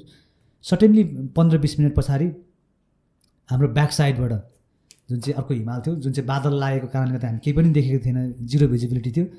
अनि एकैचोटि त्यो ठुलो बादलको र जुन चाहिँ हिउँको मुस्ला चाहिँ एकैचोटि आइसकेपछि चाहिँ बेस क्याम्पको एट्टी पर्सेन्ट जति टेन चाहिँ सबै नै उडाइदिएको थियो कि। अनि भोलिपल्ट चाहिँ अनि हेर्दाखेरि हाम्रो क्याम्प चाहिँ अलिक माथि भएकोले हामीलाई चाहिँ हामी पनि पुरै टेन उडाउने चाहिँ भयो तर हाम्रो चाहिँ त्यस्तो इन्जोर हुने हाम्रो टिमभित्र चाहिँ भएन। त्यसपछि चाहिँ सर्टेन टाइममा बसिसकेपछि चाहिँ पन्ध्र मिनट पछाडिदेखि चाहिँ मुनिको अझै हाम्रो क्याम्पभन्दा मुनि चाहिँ एकदमै ठुलो हिउँको पहिरोको पनि त्यो एकदमै मेन भाकै परेको ठाउँमा चाहिँ त्यहाँ चाहिँ उन्नाइसजना होला सायद। उन्नाइसजना डेड भएको थियो भने सिक्सटी फाइभ होला इन्जोर्ड भएको थियो। अनि फेरि हेलिकप्टर पनि ने त्यहाँ मात्रै भयो त। हेलिकप्टर रेस्क्यु अपरेट गर्न पनि सजिलो नेपालभरि भूकम्प भएको थियो त्यतिखेर त। नेपाल नेटवर्किङ पनि नलाग्ने। फेरि बादल लागेर हेलिकप्टर फ्लाइ गर्ने खालको वेदर पनि थिएन। अनि त्यो दिउँसोभरि दिनभरि हामीले चाहिँ रेस्क्यु गर्ने अनि एउटा टेनमा चाहिँ त्यहाँनिर बेस क्याम्प एक्सपिडिसन डक्टरहरूलाई एक ठाउँमा भेला पारेर हामी ट्रिटमेन्ट गर्ने तरिकाले हामी चाहिँ कन्टिन्यू हेल्प गर्ने तरिकाले गऱ्यौँ। भोलिपल्ट चाहिँ अनि भोलिपल्ट मात्रै सिक्सटी फाइभजनालाई चाहिँ उद्धार गरेर काठमाडौँ पठाउने काम गऱ्यौँ। त्यसपछि खुम्बा आइसफलभित्र पनि त्यत्तिकै दुई तिनजना क्लाइम्बर्सहरू थियो। अनि तर त्यो बेलादेखि चाहिँ झन् मेरो एकदमै त्यो चाहिँ नेपालको लागि एकदमै डरलाग्दो सिचुएसन थियो। त्यो बेलादेखि चाहिँ झन् मेरो चाहिँ डरहरू चाहिँ झन् हटेर गयो। किनभने म त्यहाँ भूकम्पमा थिएँ अनि मैले सोचेँ एभरेस्ट बेस क्याम्प त नर्मली सेफ हुने ठाउँ। अनि जनरल मान्छेको लागि नै घर सेभ हो भन्ने फिल हुन्छ। घरभन्दा त पहिला कुरा त सबैभन्दा कुरा त नेचुरली नेचर पो सेभ हुनुपर्ने रहेछ भन्ने फिल लाग्छ मलाई चाहिँ। किनभने नेचर नै प्रकृति प्रकोप नै आयो भने घरले केही नै गर्दैन रहेछ भन्ने फिल भएको त्यो बेला चाहिँ। किनभने म बेस क्याम्प थिएँ मलाई बेस क्याम्प सेभ लाग्थ्यो। अब सबैजना मान्छेलाई आफ्नो घर सेभ लागिरहेको हुन्छ। घरमा पनि कतिजना मान्छे एक्सपायर भयो भूकम्पले गर्दाखेरि। बेस क्याम्पमा पनि त्यस्तै मान्छे एक्सपायर भयो। जुन चाहिँ खुम्बु आइस पलको सेक्टर त्यो वर्ल्डकै निकै डेन्जर ठाउँ मानिन्छ जुन चाहिँ खुम्बु आइस पल त्यहाँ चाहिँ यति धेरै मान्छेहरू क्लाइम्बर्सहरू क्याम्प टू गइरहेको थियो। अनि क्याम्प टू जाने क्रममा पनि त्यो चाहिँ त्यो भूकम्प भएको बेला त एकदमै त्यहाँ त अब झन् डेन्जर ठाउँ भूकम्पै आइसकेपछि त त्यो त एकदमै सिचुएसनली मेरो दिन सोच नर्मल मान्छेले सोच्ने भने त खत्तमै हुनुपर्ने ठाउँ थियो। तर एकदम लक्किली त्यो दिन खुम्बु आइस पलमा एकजना मान्छे पनि केही पनि भएन कि। त्यति धेरै मान्छे चाहिँ थियो। तर त्यसपछि एकजना मान्छे थियो नर्मल ब्लाइन्ड क्लाइम्बर्स थियो कोरियाको। ऊ चाहिँ खुम्बु आइस पलको बिचमा स्टक भएर बसेको थियो। ऊ पनि भएर निकाल रेस्ट्री गरेर निकालिरहेछ भने चाहिँ क्याम्प वान क्याम्प टूमा दुई सयजना जति मान्छे थियो भोलिपल्ट पर्सिपल्टसम्म हामीले हेलिकप्टर पठाएर सबै निकाल्यौँ। भनिसकेपछि त कहिले कहिले चाहिँ घरभन्दा घर जस्तो सुकै बलियो बनाए पनि जतिसुकै सेफ ठाउँमा बस्यो भने पनि नेचर चाहिँ सेफ चुज गर्नु पऱ्यो नेचर चाहिँ सेफ हुनु पऱ्यो नेचरले नै जुन चाहिँ प्राकृतिले नै हामीलाई सेभ गरेन भने हामी सेभ हुनु खोजेर केही पनि हुँदैन भन्ने फिल हो। त्यसपछि झन् धेरै क्लाइम्बिङ त झन् धेरै त्यसपछि बढ्दै बढ्दै गयो। टु थाउजन्ड फिफ्टिन त्यसपछि लगत्तै पाकिस्तान गयो त्यसपछि कन्टिन्यू कन्टिन्यू तरिकाले नै क्लाइम्बिङ झन् झन् बढी भन्दै गयो। त्यस बेलासम्म दुईवटा एउटा दुईवटा एक्सपिडिसन गरिन्थ्यो। टु थाउजन्ड एटिनतिर पर इयर नौ आठ नौवटा एक्सपिडिसन गऱ्यो टु थाउजन्ड नाइन्टिनमा त बाह्रवटै जति एक्सपिडिसन गऱ्यो सो यो अर्थक्वेक र कोभिडको बेलामा जुन अब धेरै बिजनेसहरूलाई एफेक्ट परेको थियो धेरै इन्डस्ट्रीहरूलाई एफेक्ट परेको थियो तपाईँहरूको यो माउन्टेनियरिङ इन्डस्ट्रीलाई कसरी एफेक्ट गर्यो? सबैभन्दा डाइरेक्ट इम्प्याक्ट पर्ने भनेको नै टुरिज्म टुरिज्म मध्येको पनि माउन्टेनियरिङको डेली वर्कर्स जुन चाहिँ मन्थ बेसमा कि प्रोजेक्ट बेसमा जसले चाहिँ जब गर्छ त्यस्तो मान्छेहरूलाई चाहिँ एकदमै सबैभन्दा असर परेको नै त्यस्तो खालको जब जुन चाहिँ माउन्टेनियरिङ जुन चाहिँ एभरेस्ट चढ्नु क्लाइम्बिङ गर्न जान्छ अनि एभरेस्ट चढेको बापत उसले पैसा लिन्छ भने एभरेस्ट नै क्यान्सल भयो त्यो सिजन सबै अनि जुन चाहिँ ट्रेकिङ गाइड अनि पोर्टर्सहरूले चाहिँ उसले सर्टेन ग्रुप आउँछ सर्टेन डेको लागि भारी बोकेको पैसा पाउने पोर्टरहरू भयो अनि ट्रेकिङ गाइडहरू पनि त्यस्तो सर्टेन दिन ट्रेकिङ गाइड गर्छ उसले त्यो डेली बेसिसमा पाउने जो जसले जब पाउने खालको जब थियो त्यसलाई चाहिँ सबैभन्दा मार्न परेको चाहिँ त्यो पनि ट्रेकिङ इन्डस्ट्रीमा। अरू चाहिँ नर्मली मन्थ बेसिसमा जब भएको त कसैको जब भयो भने कसैलाई घटाउँदै घटाउँदै फिफ्टी पर्सेन्टमा ल्याएला थर्टी पर्सेन्टमा ल्याएला त्यो लास्ट स्थितिमा मात्रै कुनै पनि कम्पनी संसारभरि हेर्ने हो भने लास्ट लास्ट स्थितिमा मात्रै कम्पनीको स्टाफलाई घटाउँदै घटाउँदै घटाउँदै नसक्ने स्थितिमा मात्रै छोडेको स्थिति देख्छु मैले। तर डेली बेसिसको चाहिँ जुन दिनदेखि जब रोका भयो त्यही दिनदेखि। जबबाटै आउट भएको जस्तै नै हो। त्यो भएर चाहिँ माउन्टेनियरिङको र जुन चाहिँ डेली बेसिसकोलाई चाहिँ एकदमै डाइरेक्ट इम्प्याक्ट चाहिँ यो जतिको इम्प्याक्ट चाहिँ अरू सेक्टरमा पर्यो जस्तो चाहिँ मलाई लाग्दैन। सो यो कोभिड पछि जुन त्यसपछि रिकभर भइसक्यो त्यो इन्डस्ट्री? पछिल्लो समयमा चाहिँ फेरि अहिले चाहिँ फेरि उत्साहजनकै मान्नुपर्छ। किनभने लास्ट हेर्ने हो भने के टू विन्टर के टू भयो त्यसपछि कोभिडकै टाइममा थियो त्यो त। एकदमै एउटा डिफ्रेन्ट खालको माहौल भइसकेको थियो। त्यसपछि विन्टर के टू त्यसपछि विन्टर त्यो सकिसकेपछि एभरेस्ट पनि चल्यो। एभरेस्टमा पनि अलिअलि बिचमा रेस्क्यु गर्ने कतिलाई कोभिड देख्यो भन्ने बन्द हुने कि यस्तो सिचुएसनहरू त अलिकति स्ट्रगल त थियो। तर जुन बेला पनि सङ्ख्या चाहिँ घटेको थिएन। अराउन्ड डाटा अनुसार चार सय सातजना एभरेस्ट चढ्ने क्लाइम्बर्स आएको थियो होला। सायद भनेको नर्मल अरू टाइमभन्दा झन् बढी आएको थियो अहिलेसम्मकै। अनि लास्ट अटमको अस्तिको मात्रै सेप्टेम्बरको हेर्ने भने मनासुलमा पनि सधैँको अहिलेसम्मकै तुलनात्मक हेर्ने भने सबभन्दा बढी एक्सपिडिसनको क्लाइम्बर्सहरू आएको छ। आमादापलाम अस्ति भर्खर रिसेन्टली सकेको अक्टोबर नोभेम्बर। त्यहाँको डाटा हेर्ने भने पनि अहिलेसम्मको रिसेन्ट पहिलाको भन्दा हेर्ने भने झन् बढी क्लाइम्बर्स आएको छ। तर ओभरअलमा जुन चाहिँ नर्मल जुन चाहिँ ट्राभल गर्ने नर्मल ट्राभल टुर गर्ने जुन चाहिँ अरू खालको टुरिज्ममा चाहिँ त्यति धेरै अलिक रिकभर भइसकेको जस्तो चाहिँ फिल भएको छैन किनभने देखिँदैन। तर माउन्टेनियरिङमा चाहिँ पहिलाको तुलनात्मक भन्दा पहिलाको वर्षहरूभन्दा झन् झन् बढेर गएको देखेको छु मैले। किनभने तर त्यो चाहिँ एउटै रिजन लाग्छ कि टुरिज्ममा रिभाइभ गर्नु छ भने रिक्स टेकरहरू भनेको चाहिँ अलिकति अब अलिकति रिक्स टेक गर्न सक्ने भनेको चाहिँ कि माउन्टेनर यो चाहिँ अलिकति क्रेजिनेस अलिकति यही टाइपको मान्छेहरू हो जस्तो लाग्छ। किनभने त्यो भूकम्प जानु साथ पनि भूकम्प गएको केही वर्ष पनि नर्मल टुरिस्टहरू त आउनु डराइरहेको थियो। स्टिल कोभिडको कारणले गर्दा पनि नर्मल मान्छेहरू जुन चाहिँ सिटी ट्राभल गर्ने जुन चाहिँ धार्मिक टुरिज्म गर्ने यस्तो खालको टुरिस्टहरू त स्टिल त्यति धेरै छ जस्तो लाग्दैन। तर क्लाइम्बर्स हेर्ने भने चाहिँ सधैँको तुलना भन्दा यो दुई तिन वर्ष यता हेर्ने भने चाहिँ झन् झन् बढ्दै गएको चाहिँ पाएको छु। सो यो रिसेन्टली एउटा न्युज आएको थियो एउटा घर जलेको भनेर तपाईँको अफिस भएको ठाउँमा।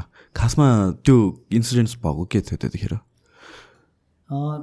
एक्ज्याक्टली त्यो चाहिँ कस्तो थियो भने जुन बेला चाहिँ म यहाँ पनि थिइनँ काठमाडौँमा थिइनँ जुन चाहिँ मनासुलको एक्स एक्सपिडिसन सेप्टेम्बर सेप्टेम्बरको म एघार एघारदेखि नै माथि मनासुलुमा थिएँ अनि जुन बेला चाहिँ मनासुलुको चाहिँ फिक्सिङ टिम भन्छ बाटो बनाउने काम जुन चाहिँ डोरी रोप टाङ्ने कामको जिम्मा पनि मैले लिएको थिएँ।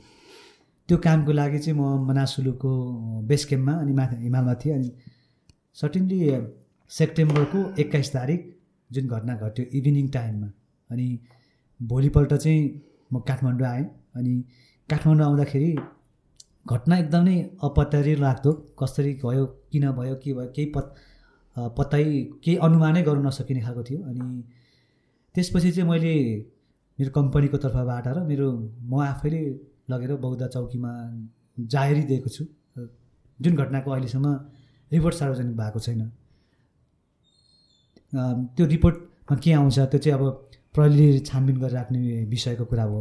एक्ज्याक्टली यो यसरी भएको भन्ने चाहिँ अहिलेसम्म केही अनुमान गर्न सक्ने बुझ्न सक्ने यही भन्न सक्ने स्थिति चाहिँ छैन सो यो अर्को कुरा चाहिँ यो अघि हामीले एडभेन्चर टुरिज्मको कुरा गऱ्यौँ र कति कुराहरू यो जस्तै कोभिडको बेलामा सर्टन मेजर्सहरू लियो गभर्मेन्टले यो जुन क्लाइम्बिङ छ as a whole adventure tourism भनौँ न यसलाई प्रमोट गर्नको लागि टुरिज्म इन्डस्ट्रीले के गर्न सक्छ होला? अहिले चाहिँ माउन्टेनियरिङ मात्रै होइन। मैले अघि अलि डिफ्रेन्ट कुराहरू पनि गरेको थिएँ। लजिस्टिक अलि पार्टको कुरा म्यानेजमेन्टको कुरा। अब मैले चाहिँ अहिले डिफ्रेन्ट तरिकाले म मात्रै नभएर मेरो टिम अनि जुन चाहिँ मेरो कम्पनीको टिमहरूसँग डिफ्रेन्ट डिफ्रेन्ट कुराहरू गर्ने तरिकाले हामी अघि बढिरहेछौँ र सबैजनाले नेपालमा चाहिँ नेपाल चाहिँ एक्सट्रिम एडभेन्चरको हबै बन्ने खालको छ। किनभने संसारमा कसै साइक्लिङ भनिन्छ कसै के भनिन्छ हामीसँग सबै खालको एक्टिभिटी हुन्छ एक्सट्रिम स्पोर्टको धेरै खालकोबाट। अनि तीमध्ये पनि हामीले चाहिँ अब सबै गर्न आफ्नो आफ्नो एक्सपर्टिज हुन्छ हामीले पनि के गर्न सकिन्छ भन्ने तरिकाले हामीले प्याराग्लाइडिङ र स्काई डाइभिङले चाहिँ हामीले चाहिँ प्रमोट गर्न खोजिरहेका छौँ। र मैले रिसेन्टली पनि अस्ति नेपाल गभर्मेन्टको पर्यटन मन्त्रालय अन्तर्गत जोइन्टली एट थाउजन्ड मिटर चाहिँ नाइन्टिन फिफ्टी थ्रीदेखि जुन चाहिँ एउटा एउटा हिमाल चढ्ने अनि क्लाइम्बिङ गर्ने फर्किने छ। एउटा त्यो त छँदैछ। र बिस्तारै बिस्तारै पहिला हिमाल चढ्ने नाइन्टिन फिफ्टी थ्रीदेखि सुरु भयो भने बिस्तारै बिस्तारै स्की प्रमोट हुँदै गयो। अहिले स्की हुन्छ हाम्रो नेपालमा हिमालहरूबाट स्की हुन्छ। एट थाउजन्ड मिटर धेरैवटाबाट स्की गरिसकेको छ। अब यो स्कीको एउटा पाटो भयो। अब हामीले चाहिँ प्याराग्लाइडिङ। प्याराग्लाइडिङ उड्नको लागि डाँडो काट्दा चाहियो कि हिमाल चाहियो? यो हामीसँग छ। अब हिमाल चढ्दाखेरि जुन चाहिँ हिमाल क्लाइम्बिङ गर्ने मान्छे त क्लाइम्बिङ गर्ने भइ नै हाल्यो। र संसारमा प्याराग्लाइडिङ मात्रै उड्ने खालको मान्छे पनि त टन्नै छ नि। यस्तो खालको मान्छेहरूलाई भने कसरी नेपाल ल्याउन सकिने? हामीसँग यो हिमाल छ अनि जुन चाहिँ अलरेडी प्याराग्लाइडिङ गर्ने संसारभरि मान्छेहरू पनि छ। यस्तो खालको मान्छेहरूलाई चाहिँ नेपालमा ल्याएर प्याराग्लाइडिङ गर्न कति फिजिबल छ अनि यसले नेपालको अर्थतन्त्रलाई कति हेल्प गर्छ रोजगारी कति सिर्जना गर्छ भन्ने तरिकाले चाहिँ हामीले चाहिँ यो नयाँ प्रडक्टको रूपमा एउटा प्याराग्लाइडिङलाई पनि एउटा इस्टाब्लिस गर्न सक्यो भने रोजगारी बढ्छ कि बढाउन सकिन्छ कि भन्ने तरिकाले त्यो पनि लागेको छौँ। अर्को भनेको चाहिँ स्काई डाइभिङ नेपालमा स्काई डाइभिङ नभएको होइन। विगत लामो समयदेखि स्काई डाइभिङहरू हुन्छ र अझै बढी यसलाई चाहिँ कमर्सियलाइज गरेर बढीभन्दा बढी कसरी गर्न सकिन्छ भने अब एउटा स्काई डाइभ गर्नको लागि त एउटा संसारमा जहीँसुकै स्काई डाइभिङ भइरहेको छ। संसारमा जहीँसुकै हुन्छ। तर नेपालको फेरि अलिकति पृथक खालको छ हाम्रो। किनभने हामी एउटा एउटा जहाजबाट निस्केर फ्री फल गर्न साथै हामी एट थाउजन्ड मिटरहरूको भ्यू देख्नेछौँ थ्री सिक्सटी माउन्टेन भ्यू देखिन्छौँ नेचुरली धेरै एकदमै सुन्दरता छ। भनिसकेपछि त्यो एउटा स्काई डाइभिङ चाहिँ डिफ्रेन्ट होइन। तर हामीसँग भएको नेचुरल कुराको त्यो चाहिँ भ्यू चाहिँ हामीसँग छ। त्यो भएको हुनाले इन्टरनेसनली स्काई डाइभ डाइभिङ गर्ने धेरै ठाउँमा स्काई पपुलर छ। त्यो स्काई डाइभिङ गर्ने मान्छेहरूलाई नेपालमा ल्याएर कसरी स्काई डाइभिङ गरेर हाम्रो त्यसमा पनि रोजगारीकै कुरा आउँछ। त्यो कसरी इस्टाब्लिस गर्न सकिन्छ भन्ने कुरामा पनि यो तरिकाले पनि हामी यसको यसलाई कसरी वर्कआउट गरिरहेको छौँ अहिले चाहिँ। सो वान लास्ट क्वेसन दाइ सो माउन्टेन क्लाइम्ब गर्दाखेरि मान्छेहरूले गर्ने मेन कमन मिस्टेक्सहरू के हो र कसरी अभोइड गर्न सकिन्छ? यसमा माउन्टेन क्लाइम्बिङ गर्दाखेरि मेन कमन मिस्टेक भनेको चाहिँ त्यो चाहिँ माउन्टेन मात्रै होइन। जुन चाहिँ स्पोर्टमा मान्छेहरू कहिले के भन्छ underestimate overconfidence overconfident पनि हो अन्डर एस्टिमेट गर्छ। त्यो पनि कसलाई गर्छ भने आफ्नो नजिकको साथीलाई गर्छ। अनि उसले कहिले कहिले कस्तो हुन्छ भने साथीभाइमा सबैजना नर्मल लाग्छ। नर्मल लाग्छ। सँगै कसै न कसैसँग चिया खाँदा अथवा पार्टी गर्दा गफ गर्दा साथीभाइ भेटिरहेको हुन्छ। अनि मान्छेले कहिले मान्छेले मान्छेलाई सहजै जजमेन्ट गर्न थाल्यो र मान्छेको बनावटबाट र पर्सनालिटीबाट जजमेन्ट गर्न थाल्यो भने माउन्टेनमा चाहिँ कहिले कहिले म्याच हुँदैन। माउन्टेनमा चाहिँ कसैलाई कसैलाई अन्डर एस्टिमेट गर्नु कसैसँग जजमेन्ट गर्नु भन्दा पनि नेचरले जे कुरा दिन्छ आफ्नो लेभल के हो आफ्नो विज्ञता के हो आफ्नो सेल्फ कन्फिडेन्ट भएर क्लाइम्बिङ गरे पनि सक्सेस हुन्छ। मा माउन्टेन क्लाइम्बिङ गर्नको लागि अरू धेरै क्लाइम्बर्सबाट मोटिभेट भएर ऊ जस्तै गर्नुपर्छ भन्ने पनि छैन। आफ्नो क्लाइम्बिङ आफू गर्ने हो त्यो लाइफ र डेथको गेम हो। त्यो अरूसँग कम्पिटिसन गर्नुभन्दा पनि आफूले सेल्फ रेस्पेक्टबाट सिक्नुपर्ने कुरा सिकेर अनि सेल्फ मोटिभेटबाट अनि सेल्फ फिजिकल कन्डिसन आफ्नो मेन्टलको मेन्टल मेन्टल कुन स्थितिमा छ भन्ने कुरा आफूले आफूलाई चाहिँ जज गरे अरूलाई जज गर्न थाल्यो भने चाहिँ माउन्टेनियर हुन सक्दै सकिँदैन। अनि त्यो मिस्टेक गरेर चाहिँ सक्सेस होइन डेथ हुन्छ। ओके हस् thank you so much for your time र राम्रै कन्भर्सेसन भयो and best wishes for the company as well anything last उहाँ के एड गर्नुपर्ने छ? मैले के सोध्नु बिर्सेँ। मैले चाहिँ मात्रै नेपालीहरूको लागि। नेपाली होल नेपालीहरूको लागि देशमा विदेशमा अनि जहाँसुकै भए पनि मेरो रिक्वेस्ट यो चाहिँ एज अ नेपालिज क्लाइम्बर्स भएर एउटा कुरा हामीले दुइटा चिनिने कुरामा बुद्ध जन्मेको कुरा हामी खुलेर भन्न सकेनौँ भने त्यो पनि नेपालीको के अर्थ भएर एउटा कुरा म्याक्सिमम् नेपालीहरू चाहिँ देश विदेशमा जहीँसुकै भए पनि मैले पाएको फिल्डमा चाहिँ के के के पाउँछु भने एभरेस्ट बेस क्याम्पमै गोराको मुखले सोध्ने अनि तिमी एभरेस्ट बेस क्याम्प गएको छौ। गएको छुइनँ नि। म त जानु प्लान गरिरहेको छु त भनिसकेपछि बल्ल रिकल भएर अनि मात्रै एभरेस्ट बेस क्याम्प किनभने संसारभरिको मान्छेले संसारको कुनै पनि बिलिनियर्सले कपी गर्न नसक्ने किन्न नसिक्ने भनेको त हाम्रो माउन्टेनर हो नि त। एभरेस्ट हो नि त। यसको बारेमा हरेक नेपालीले आफू जान नसके भने बोल्न सक्ने भन्न सक्ने जानुपर्छ भनेर मोटिभेट गर्न सक्ने र बेस क्याम्पसम्म मात्रै गएर संसारलाई मोटिभेट गर्न सक्यो भने नेपालको टुरिज्मलाई इन्टरनेसनली एकदमै लार्ज स्केलमा लानमा त्यति धेरै गाह्रै छैन। अनि त्यसले चाहिँ एट द इन्डमा कन्ट्रीको इकोनोमिकलाई नेपालमा बस्ने रोजगारीलाई होल नेपाललाई चेन्जेस ल्याउँछ भन्ने मैले चाहिँ विश्वास गरेको छु। र नेपालीले चाहिँ एटलिस्ट एभरेस्ट बेस क्याम्प चाहिँ जानु पऱ्यो वेलकम केही क्लाइम्बिङ गर्नु पऱ्यो भने आइडिया चाहियो भने जतिखेर पनि भन्न सिकाउन र सहयोग गर्न रेडी हस् thank you so much thank you